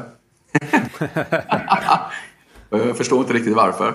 Men jag, jag är superimponerad av eh, utvecklingstakten. Eh, jag tar av mig hatten för det. Jag, jag bugar mig. Samtidigt så blir det ju lite tråkigare. Och eh, jag är vän med Magnus på Nordic Wellness och vi pratar väldigt mycket och, och inspirerar varandra hoppas jag. Han inspirerar mig i alla fall. och då är han så rolig för då säger han till mig så här, nu får du passa dig för nu ska jag öppna på Järntorget. Och jag bara, men du får gärna öppna på Järntorget. Du får öppna hur mycket du vill, jag skiter i det. Ja, men jag, nu ska vi öppna ett premiumgym, säger han. Ja, du får gärna öppna ett premiumgym. Du får öppna hur många du vill. Vi gör våran grej, vi spelar vår sång. Uh, och de som gillar oss och våra fans, de, de kommer inte att gilla er bara för det att du öppnar nytt. Utan du måste spela något liknande sång. Och vi har faktiskt en grej som vi brukar prata om som är liksom kultur hos oss. Och det är att vi tänker att eh, vi tänker att man spelar i ett band. Och så börjar man spela i det bandet och det är alltid någon som spelar och någon som sjunger och sådär. Och sen så blir man större och större och så får man plötsligt, kanske man blir lite känd och så säger folk så här Ska du inte spela det här istället? Nej, jag spelar ju min. Jag spelar min musik. Jo, men du kan ju inte sjunga. Du, du kan ju inte sjunga. Du kan ju inte sjunga så illa som du gör. Jo, men jag sjunger som jag vill sjunga. Och plötsligt fyller man sex Ullevi och heter Håkan Hellström. Och eh, det tycker jag är otroligt spännande. Ingen skulle säga till Håkan Hellström att du ska ju bara spela techno nu. Eh, eller du ska göra, ändra någonting helt annat. Så, så vi tänker så på, inom våran lilla bolag att vi spelar vår musik de fansen som vi får ska bli raving fans. Och eh, de ska älska oss. De ska, precis som man älskar Håkan Hellström. Eller hatar, hatar Håkan Hellström. För att det är det ju många som gör också. Men eh, jag tror man ska spela sin egen musik och inte börja kopiera andras. Eh, det, det, tror jag är en framgångsfaktor. Och kedjorna tycker jag kopierar lite för mycket. Eh, men då finns det några som sticker ut här, tycker jag då, som, som faktiskt är Eh, tycker jag bra. Eh, man kan sticka ut på olika sätt. Eh, men de är alldeles för lika och alldeles för lika utrustning. Och vi har ju till och med samma musik, för alla köper från samma musikleverantör. Så ja, den här branschen är ju jävligt spännande när det är så. Alla kör Les Mills, alla kör samma musik, det är samma vatten i duscharna. Och man tillåter till och med instruktörer att vara på respektive ställe så att det, det gör ingenting eh, om du, vilket ställe du väljer. Eh, vilket är... Vilken annan bransch skulle göra så här? Skulle Apple låna ut sina tekniker till Microsoft? Men kör där också. Uh, skulle inte ens finnas på kartan. Uh, nej, men jag, jag tycker det är, vi är alldeles för likformiga. Det skulle vara lite roligare, även om inte det funkade för han nu här i London och New York med liksom nattklubbsgym eller men, men, det är coolt och det är kul och det finns något gym, något gym i USA där gamla ex-convicts har öppnat en, ett gym i New York med tidigare fångar och man tränar i fängelseceller. Och alla kändisarna går dit. Ja, men det är speciellt, det är unikt. Eh, och tittar du på USA, jag har varit över mycket i USA och studerat den branschen där och vi tittar ju väldigt mycket på Equinox. Eh, vi tycker Equinox inspirerar oss.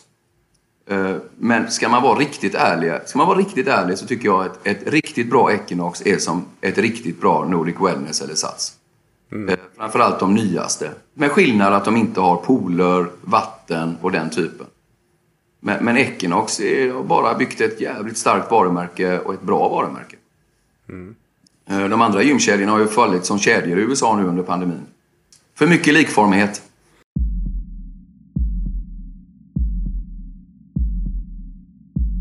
Jag tänkte butik fitness. Mm. Eh, vad, du har ju varit mycket över och, och kikat på det. Jag hade ju Pelle Sundström från Benchmark Group. Då pratade vi gymmanagement och lite grann liksom touchade in, in på det här. Alltså jag kan ju se att vissa gör, eh, framförallt kanske inom yogasfären, att i Sverige så är det någonstans där man kanske har lyckats hyfsat med, med det här butiktänket har jag sett eh, en del i Sverige. Men jag hävdar ändå att det finns otroligt mycket mer att göra i Sverige. Eh, sett till den, den liksom rika floran som kanske finns i borta i USA och London. Kanske några städer till sådär i Europa. Mm. Vad tänker du kring eh, butikbegreppet eh, och ja, utbredningen? Ja, men jag tycker att Sverige är ett litet land med få människor. Och eh, när jag stod i New York och gick in på en Soulcycle eh,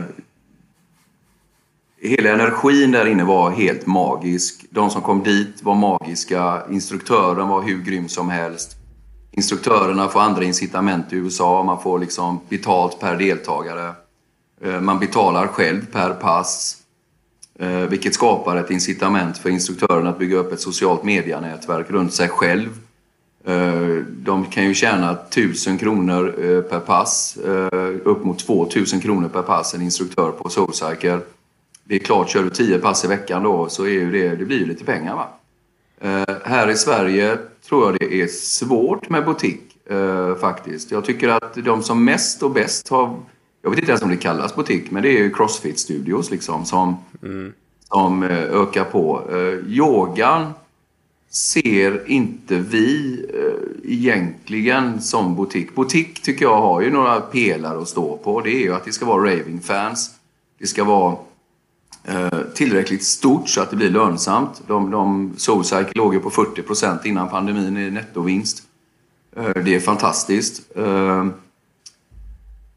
Barry's Bootcamp, Orange Theory, alla de här. Jag har provat allihopa. Eh, risken i Sverige är att vi, är, vi har för lite människor som tycker att det är roligt över tid. Eh, mm. försökte med Soulcycle. Vi har ett koncept som vi kallar för Soulride. Uh, eh, väldigt, väldigt kopierbar. Men du vet, vi fick eh, jätteproblem. Vi fick problem med de kunderna som cyklade i Sverige. För de kunderna som cyklar i Sverige är ofta sådana som gillar cykling. De går inte på annan gruppträningspass för att där är det koordination. På en cykel kan du inte göra fel. Eh, våra instruktörer ville inte göra shower alla Broadway. Eh, och när vi, när vi kom in, jag, vi var, jag tog med mig alla spinninginstruktörerna och åkte över till New York. Eh, för att visa hur det funkar helt enkelt. Så vi var över ett helt gäng. Och eh, en del älskar ju det. Och det var nästan alltid gamla gruppträningsmänniskor. Eh, Medan de som var så här cykel, eh, du vet RPM, eh, watt, mm. Du vet, de fattar inte grejen. Och när instruktören går av och det hoppar på någon annan och det är show och det är fest och det är kul och det är musik och det är högt och det är ljus. Och man bara går därifrån och undrar, vad fan hände? Vilken upplevelse. Och eh, vi har kämpat väldigt, väldigt mycket med detta och vi trodde att det handlade om vi trodde det handlade om att man skulle köra med hantlar i mitten på passet. Eh, vi trodde det handlade om sådana där detaljer som var helt fel. Och när man pratar, när man, när man har varit på flera Soulcycle, när man har varit över där och pratat med dem och pratat med instruktörer som vi har gjort, så är det ju att de vill att människan ska gå därifrån som en bättre människa.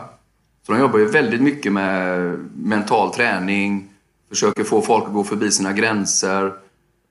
Fan, de är ju rena coacherna, de instruktörerna som är där.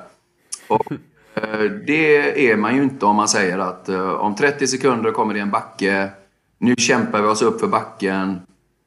Och redan när jag började med spinning, när var det? 97? Körde väl jag mitt första spinningpass, eller 96 till och med.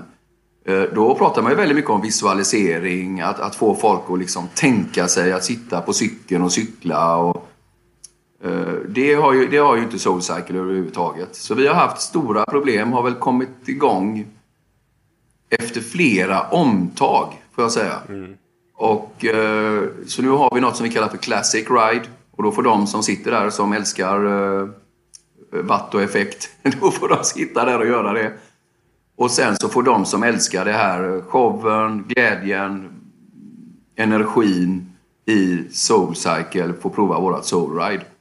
Och eh, det har kommit en ny kundgrupp. Det har kommit lite mer gruppträningsmänniskor in. Eh, men det är ungefär 50-50. Det, det har inte fått den explosiviteten som vi hade. Yoga, ser, jag kallar ju själv våra egna för butik för att vi är mm. jätteduktiga på yoga. Vi har raving fans, vi har volym, vi har lönsamhet.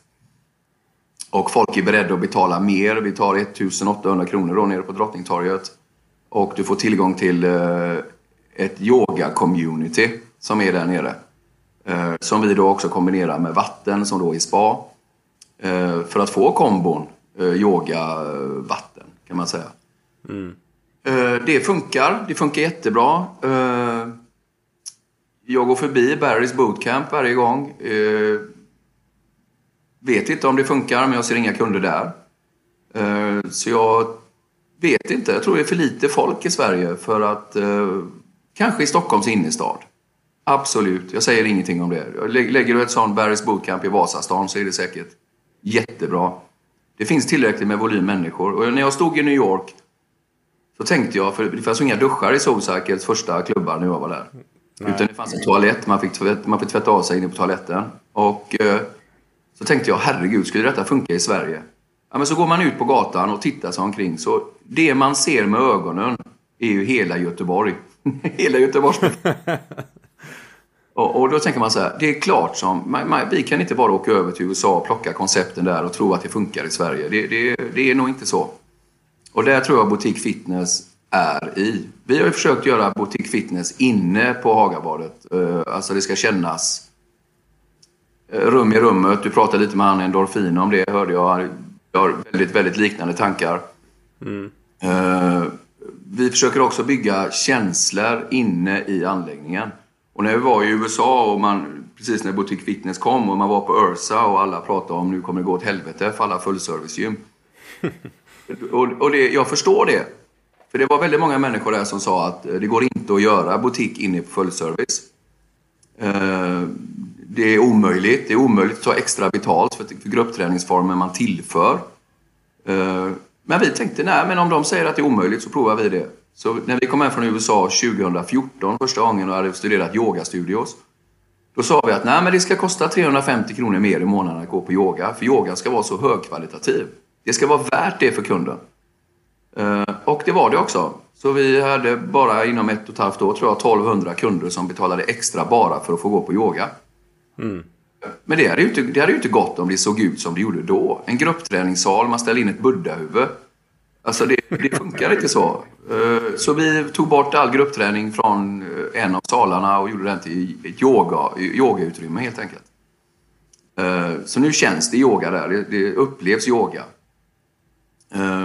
Så jag tror absolut att man kan göra butik inne i rummen, inne på gymmen, om gymmen är tillräckligt stora. Det får man väl lägga till också då. Mm på 800 000 kvadrat så, så är det svårt alltså att göra någonting mer. Men jag var över på en, ett gym i Oregon. Eh, de tog 140 dollar i månaden. Det var väl då. 1200 spänn kanske. Och då öppnade en konkurrent som tog 10 dollar i månaden. Eh, precis jämte. Grannhuset. Och då frågade jag, hur går det med det då? Ja, men vi tappar lite kunder, men vi har, de flesta har kommit tillbaka. Eh, för 10 dollar så får du för 10 dollar. Mm. Och hos oss får du för 140 dollar. Du får, det var ett magiskt gym. De hade över 14 000 medlemmar. Wow. Helt otroligt. Ett fullservice-gym. Eh, och du vet, ägaren gick runt där inne. Han pratade med alla. Han skrattade. De hade ett stort jäkla kindergarten där inne. Ett riktigt kindergarten med man fick träna och det var förskollärare och allting. Eh, han var inte orolig för det 10 dollars gymmet. Eh, absolut inte. Och jag är inte orolig när någon öppnar jämte här. Jag är inte orolig om någon öppnar på Järntorget. Jag är inte bekymrad för det. Nej. Olika koncept, olika kund, kundkategorier. Så att, eh, det är nog lätt att bli skrämd tror jag i vissa fall. Att man, ja men det kommer någon billigare och så tror man att det, det behöver inte betyda att alla kunderna försvinner. Och om de gör det så kanske man inte gör riktigt rätt grejer eh, i första början heller. Nej. Men vi är ju inte den enda branschen, Brian. Jag tycker att vi tittar på oss själva som den enda branschen som har funnits i hela världen och gör bara samma saker inom branschen. När Lidl öppnade i Sverige så var ju ICA-handlarna nervösa.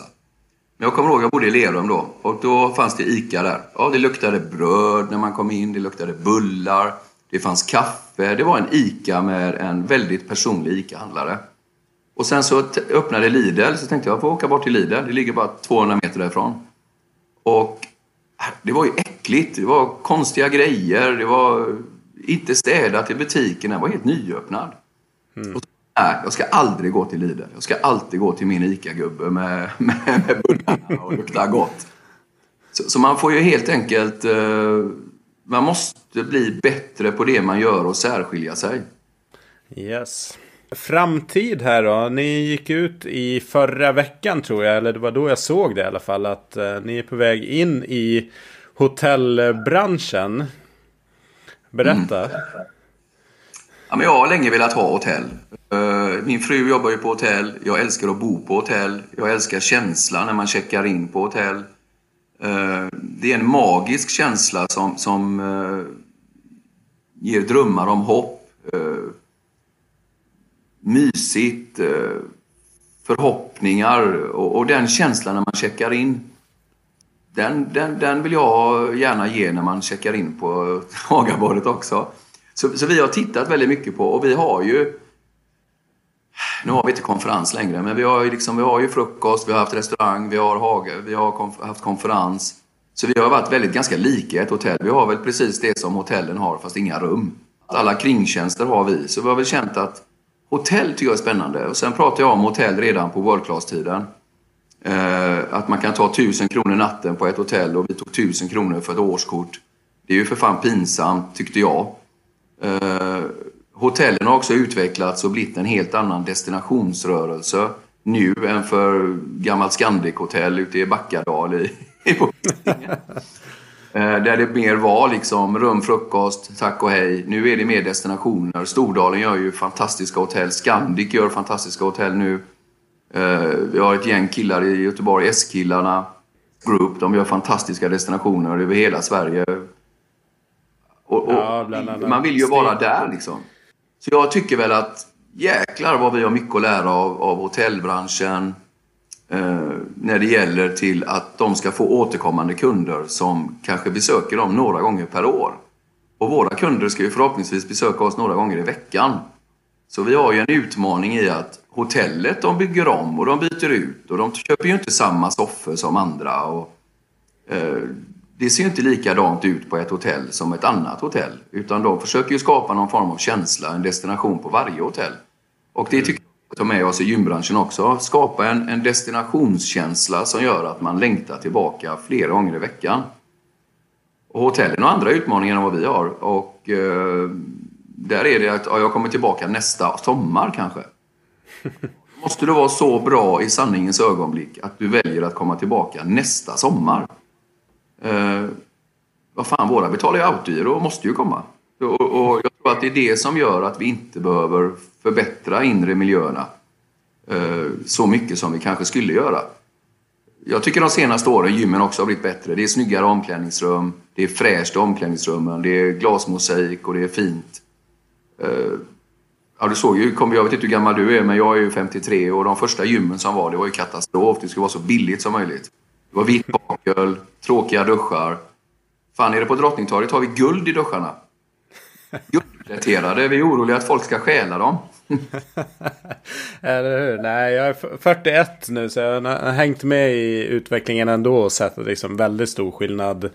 Eh, det som, som känns som ett standard, ett, moder, ett modernt standardgym som byggs idag är liksom, alltså kvalitetsskillnaden jämfört med bara för tio år sedan med vad som byggdes ja. är ju enorm. Mm. Ja, men jag tycker det är spännande med hotell och därför så har vi beslutat oss för att köpa hotell. Och Helene, har inte, Helene har inte velat... Min fru är ju väldigt... Uh, vi jobbar väldigt, väldigt tätt ihop. Uh, hon har inte velat ha hotell för hon vill inte ha konferensdelarna. Hon tycker det är supertråkigt. Mm, okay. Men att skapa destinationer, att jobba med eh, consumer, alltså konsumentmarknadsföring, det är det vi brinner för.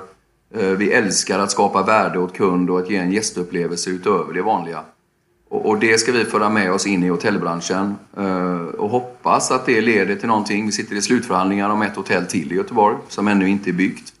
All right. Eh, om vi tycker att vi har höga hyror så kan man ju titta på hotellbranschen där de bygger hotell och så tar de mellan 30 och 40 procent av omsättningen i hyra. Eh, det gör ju inte vi i gymbranschen. Vi betalar ju ingen omsättningshyra, oftast inte. Nej. I köpcenter och sådär. Men eh, det är, det är en annan bransch. Den är dyr. Det är dyra inventarier. Det är dyrt att investera. Det är mycket pengar. Eh, bara det hotellet vi tittar på nu är investeringshorisont kanske på 25 miljoner bara inredning. Eh, och, och de pengarna pratar man ju inte om i, i gymbranschen. Marknadsföringsbudget liksom. Jag, jag, tittade för flera år sedan på USA. Då ligger de på 10% av marknadsföring, alltså, marknadsföring av sin omsättning. Och på World Class tror jag vi låg på 3 mm. vi, vi måste bli bättre på att bygga varumärke, bygga inredning, design, skapa destinationer. Mm. Helt enig. Nej, spännande. Lycka till med den eh, satsningen.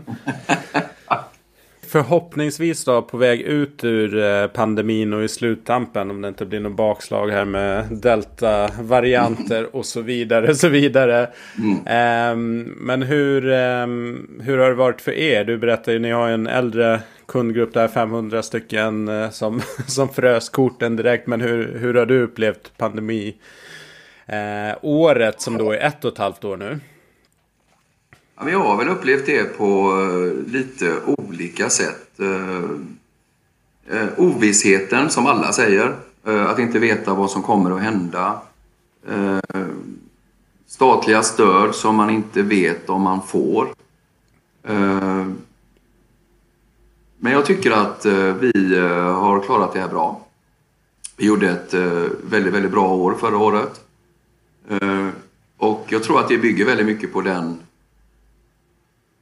sommaren som var. Alla trodde att coviden var över. Eh, vi har ju flera olika intäktsben att stå på. Vi har vårt autogiro. Eh, vi har våra träningskunder kan man väl säga. Men vi har ju också massage. Vi har mycket spa. Vi gjorde 22 000 massagebehandlingar förra året. Trots covid. Mm.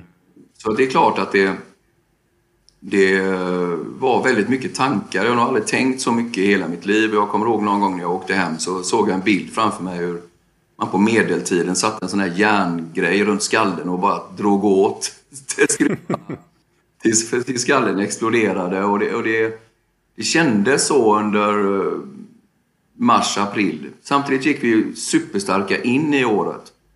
Eh, januari, februari, vi, vi krossade budgetarna, vi hade mycket likviditet, vi hade sålt mycket presentkort i december. Eh, så vi, hade, vi har väl en ganska skön... Vi hade en skön sits. Vi gick in med väldigt starka resultat in i 2020 och mycket likviditet på banken. Eh, samtidigt så våra prognoser vi gjorde framåt, vi gjorde prognos varje dag faktiskt med gårdagens försäljning och så försökte vi prognostisera utifrån det visar ju på katastrof. Eh, absolut inte... Ja, det var verkligen katastroftankar.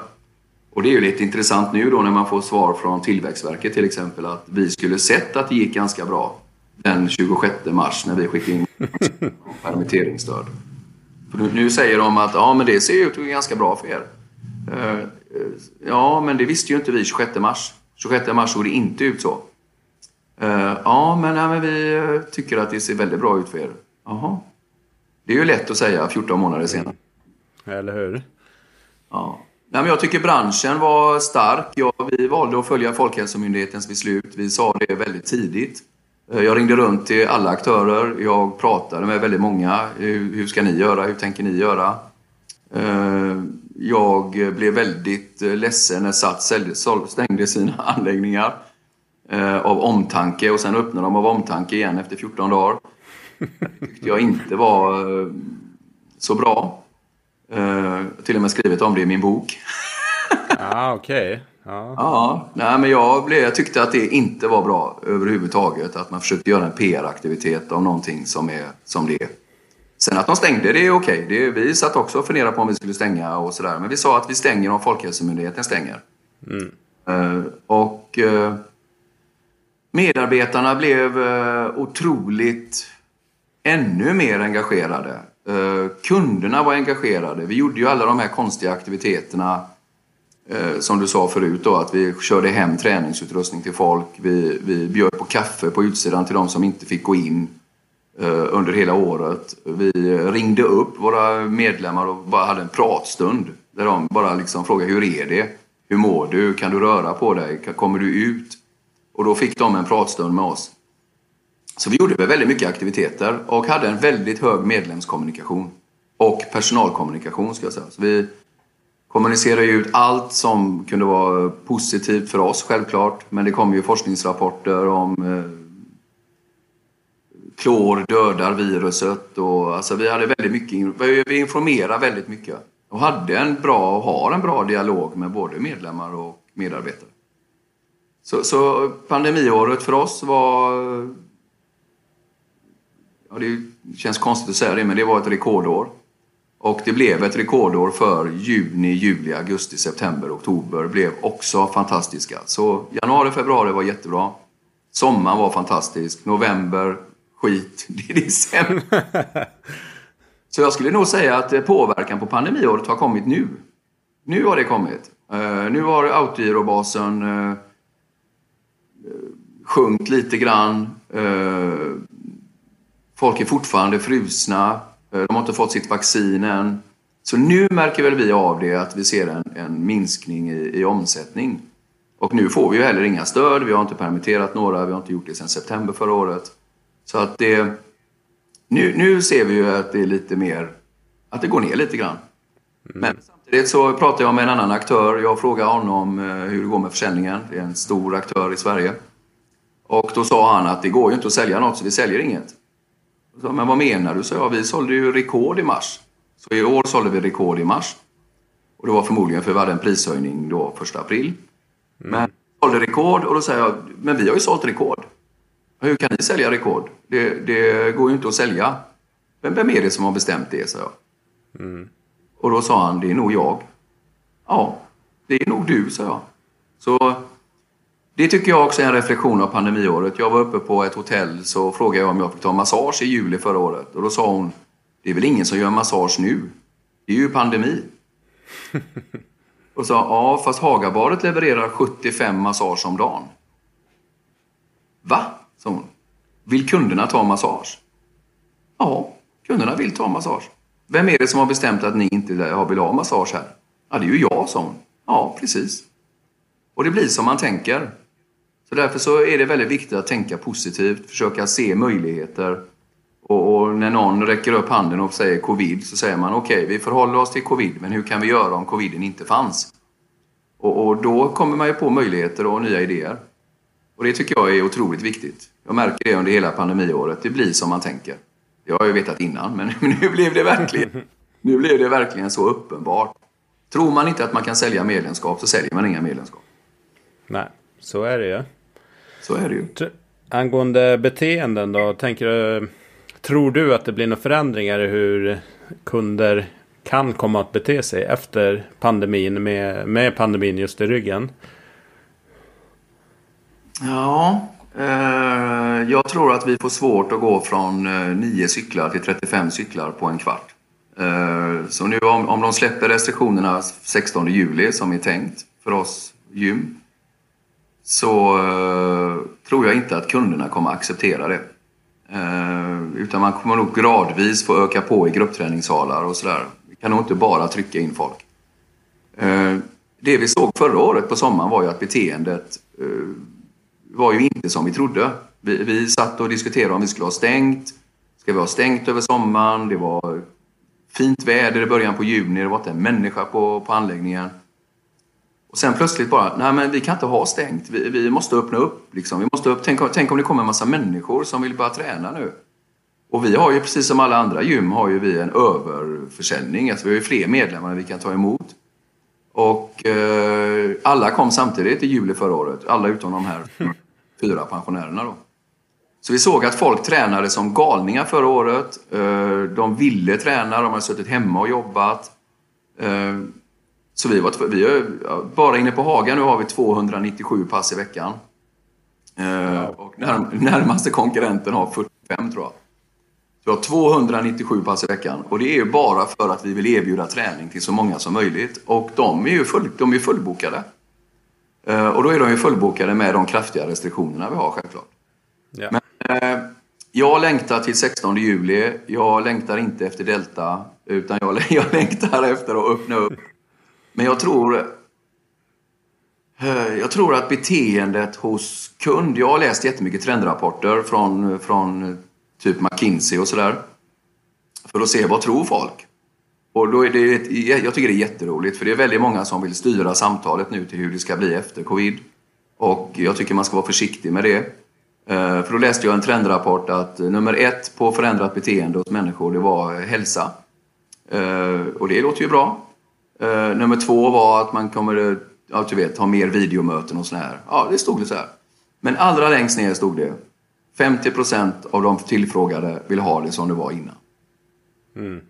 Då är det bara om det då var 7% som ville jobba mer hemma och inte ha ett kontor, var det 7% av 50 så, så, jag tycker att eh, jag tycker trenderna visar att när man träffar folk nu, eh, föräldrarna är vaccinerade, folk vill tillbaka hur det var, tror jag.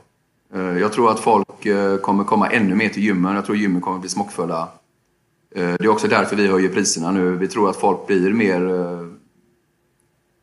medvetna om sin hälsostatus, att den är viktig. Vi har hört Stefan Löfven säga nu minst tio gånger gå inte på gym, precis som att alla går på gym. Och det kanske gör att de 80 procenten som inte går på gym tror att alla andra går på gym och då blir det en bidragande faktor. Så vi, om några år kanske vi tackar Stefan Löfven för att gå inte på gym.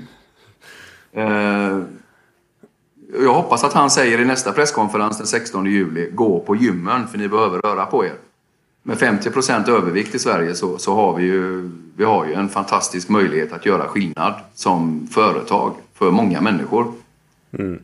Um, ja, den borde han bjussa tillbaks på faktiskt när det väl vänder. Ja. eller hur?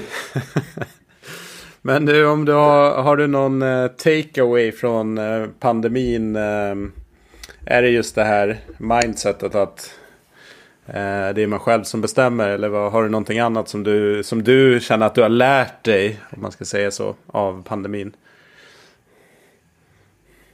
Mm. Ja, vi har väl alltid betraktats som ganska snabbfotade och det finns ju en sån här snyggt konsultord på det som heter att man ska jobba agilt. Eh, jag har aldrig riktigt fattat det. Vi gör ju inga marknadsplaner för ett år framåt. Vi gör ju aktivitetsplaner för nästa månad utifrån försäljningen går. Så att vi, vi har väl alltid jobbat så agilt. Men jag tycker medarbetarna har varit med på den här resan något fantastiskt. Eh, som jag sa, vi skulle stänga Älvstranden över sommaren och sen tre dagar innan så, äh, men vi öppnar upp allt. Vi maximerar anläggningen istället. Och de bara, ni är ju fan inte kloka liksom. Nej, men nu kör vi. Så att eh, det jag har lärt mig är att den, det kulturarbetet du gör spelar roll när det väl smäller. Så att eh, det gäller verkligen att jobba med medarbetarengagemang, kultur, vara en bra chef, vara en bra ledare.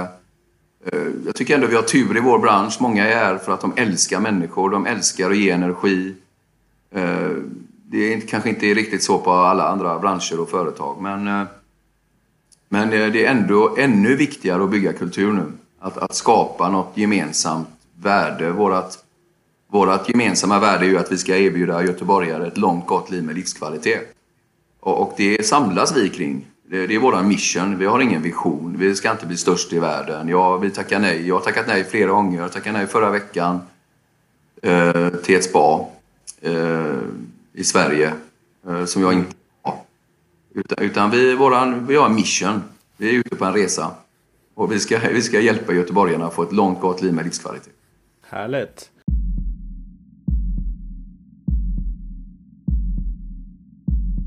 Du, eh, friskvårdsföretagen tänkte jag ta en liten avstickare till. Eh, branschorganisation, i alla fall på arbetsgivarsidan. Du var ju med och startade upp eh, organisationen.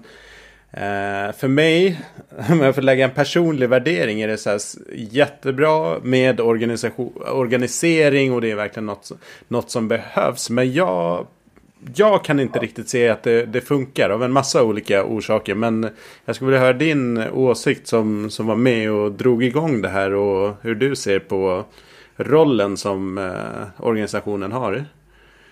Mm. Jag tycker väl att eh när vi startade detta så var det mycket för att vi skulle skapa en, en riktig arbetsplats. Det har de ju lyckats med. Vi har ju kollektivavtal. Eh, jag är själv inte med i Frisk. Eh, och skälet till det är flera. Men eh,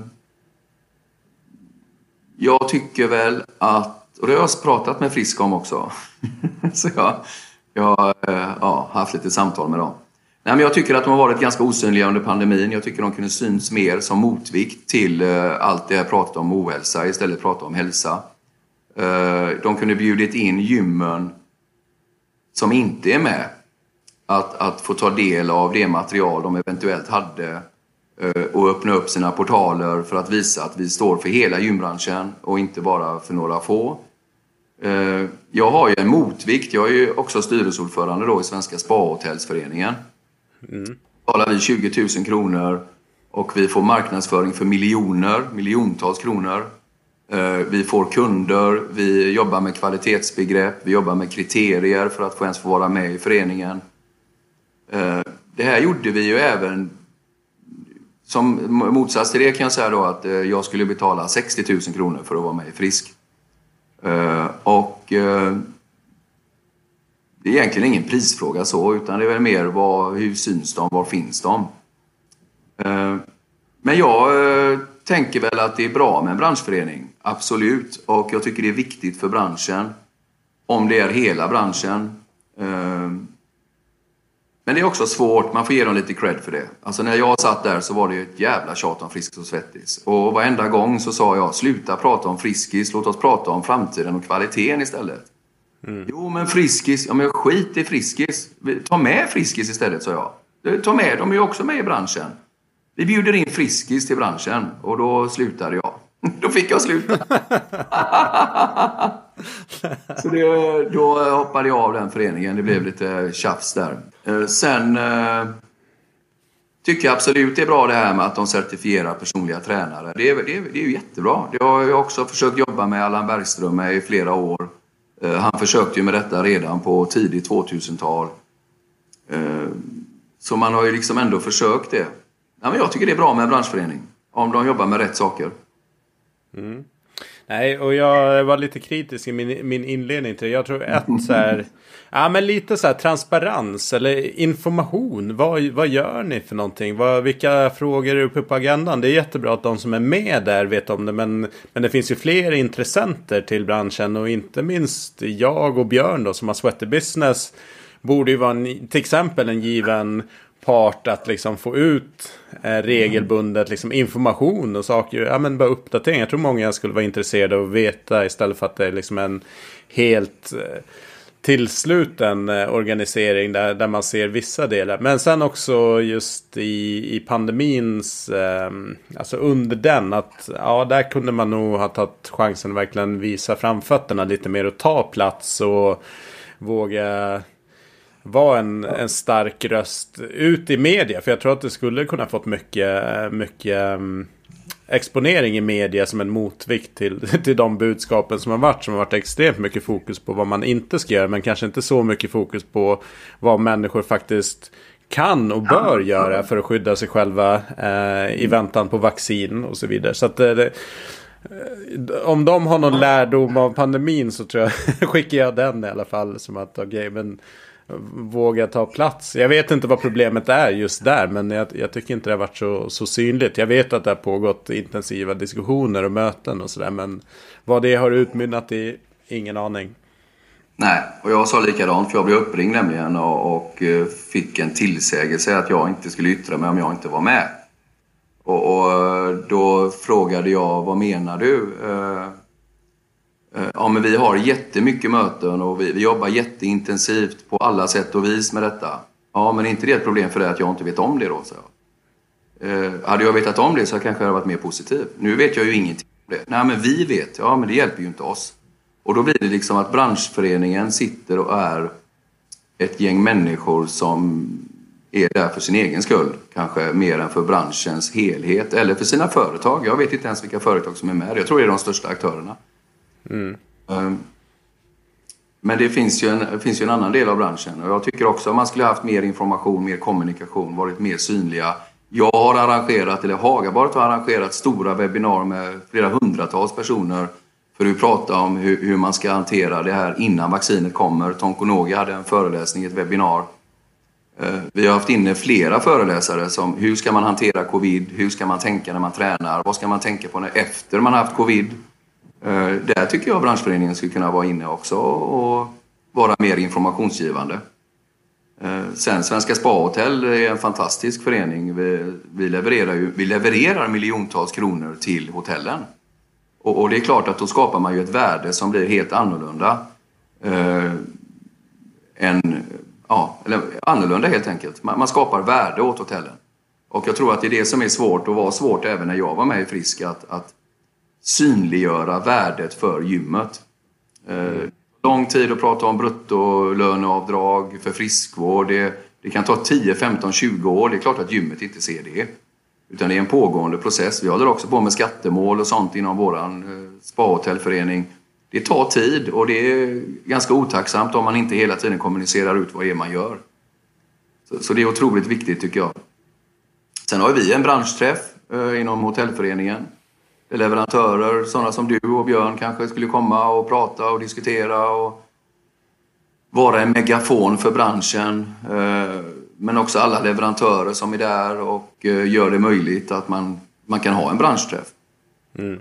Eh, den är också fantastisk. Tre dagar tillsammans.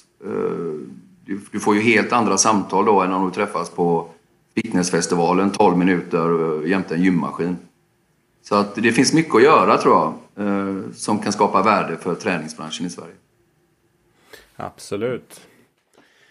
Du, vi närmar oss eh, slutet här på den här podden. Men jag är lite nyfiken på vad inspiration till eh, koncept och liksom utveckling. Nu har du varit inne mycket på att du, du verkar resa en del och du verkar vara i USA i mångt och mycket. Men vad, vad hämtar du, ni, ny inspiration till eh, nya? Ja, men vi hämtar det mycket på Ursa. Jag är förvånad varje gång jag är på Ursa, för jag går ju in på de här föreläsningsserierna. Jag går ju inte på gymmässan, den skiter jag i. Jag går inte ens in dit. Utan jag sitter och lyssnar på föreläsningar från 9 på morgonen till eh, 8 på kvällen, kanske 7 på kvällen. Och försöker få olika bilder av eh, hur de jobbar i USA. De är, de är duktiga på paketering, konceptuering, eh, grymma på marknadsföring. De älskar kund. Men jag tittar också på andra branscher. Jag tittar på hur jobbar eh, hur jobbar andra branscher med sina kunder? Och, eh, så jag får inspiration där. Eh, jag läser mycket. Jag läser mycket onödig skit. Som, som, som jag läser. Jag lyssnar på poddar. Jag får mycket inspiration av att lyssna på andra. Och jag kommer ihåg när jag var elektriker en gång så stod jag och drog el i taket och då frågade jag gubben som satt vid kontoret. Vad jobbar du med? Och då sa han, jag är VD. Jaha, okej. Okay. Vad, vad, gör man när man är VD? sa jag. Och jag jobbar ju samtidigt. Och då säger han, kom och sätt dig här så ska jag berätta. Så, så, och jag, vi fick ju betalt för det. Han, han blir glad och jag blir glad. Och, så, så jag tror mycket på att lyssna på andra, ta in, eh, Helene är ju grym på konceptuering, paketering. Eh, hon var ju marknadschef tidigare, jag var marknadschef tidigare. Så vi, har, vi älskar ju det här att, att, att hitta nya koncept och paketeringar. Eh, men vi hittar dem också då utifrån, vi får influenser utifrån. Och framförallt andra branscher. Mm. Ja, spännande. Mm. Um, och sista frågan är så här. Snackis. Vad tror du? Har du något eh, begrepp, ord, koncept som du tror det kommer snackas mer om i, fram, när vi går framåt här i branschen? Ja, vi... Eh... Fast det blir ju väldigt lokalt då. Men vi, vi, vi tänker att vi ska etablera ett begrepp som heter healthness.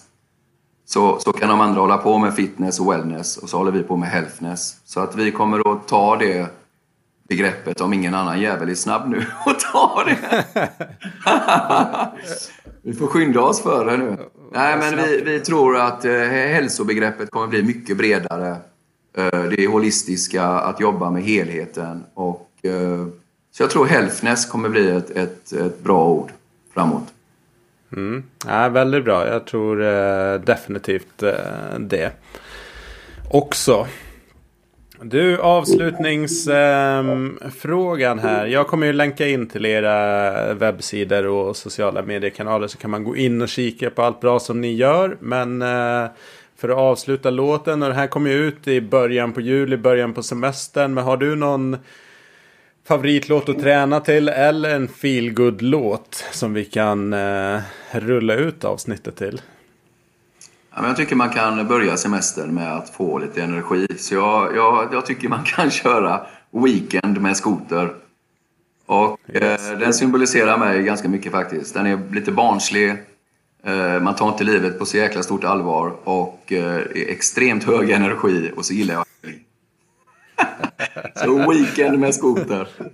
Det blir perfekt. Du, Pelle, stort tack för den här eh, pratstunden. Jag uppskattar verkligen att du tog dig tid och, till att dela med dig till lyssnarna. Och, ah, jag lärde mig faktiskt en, en hel del. Satt här och lyssnade och, och tänkte på en massa saker som, som kom upp när jag hörde dig prata. Kul. Det var jättekul att vara med.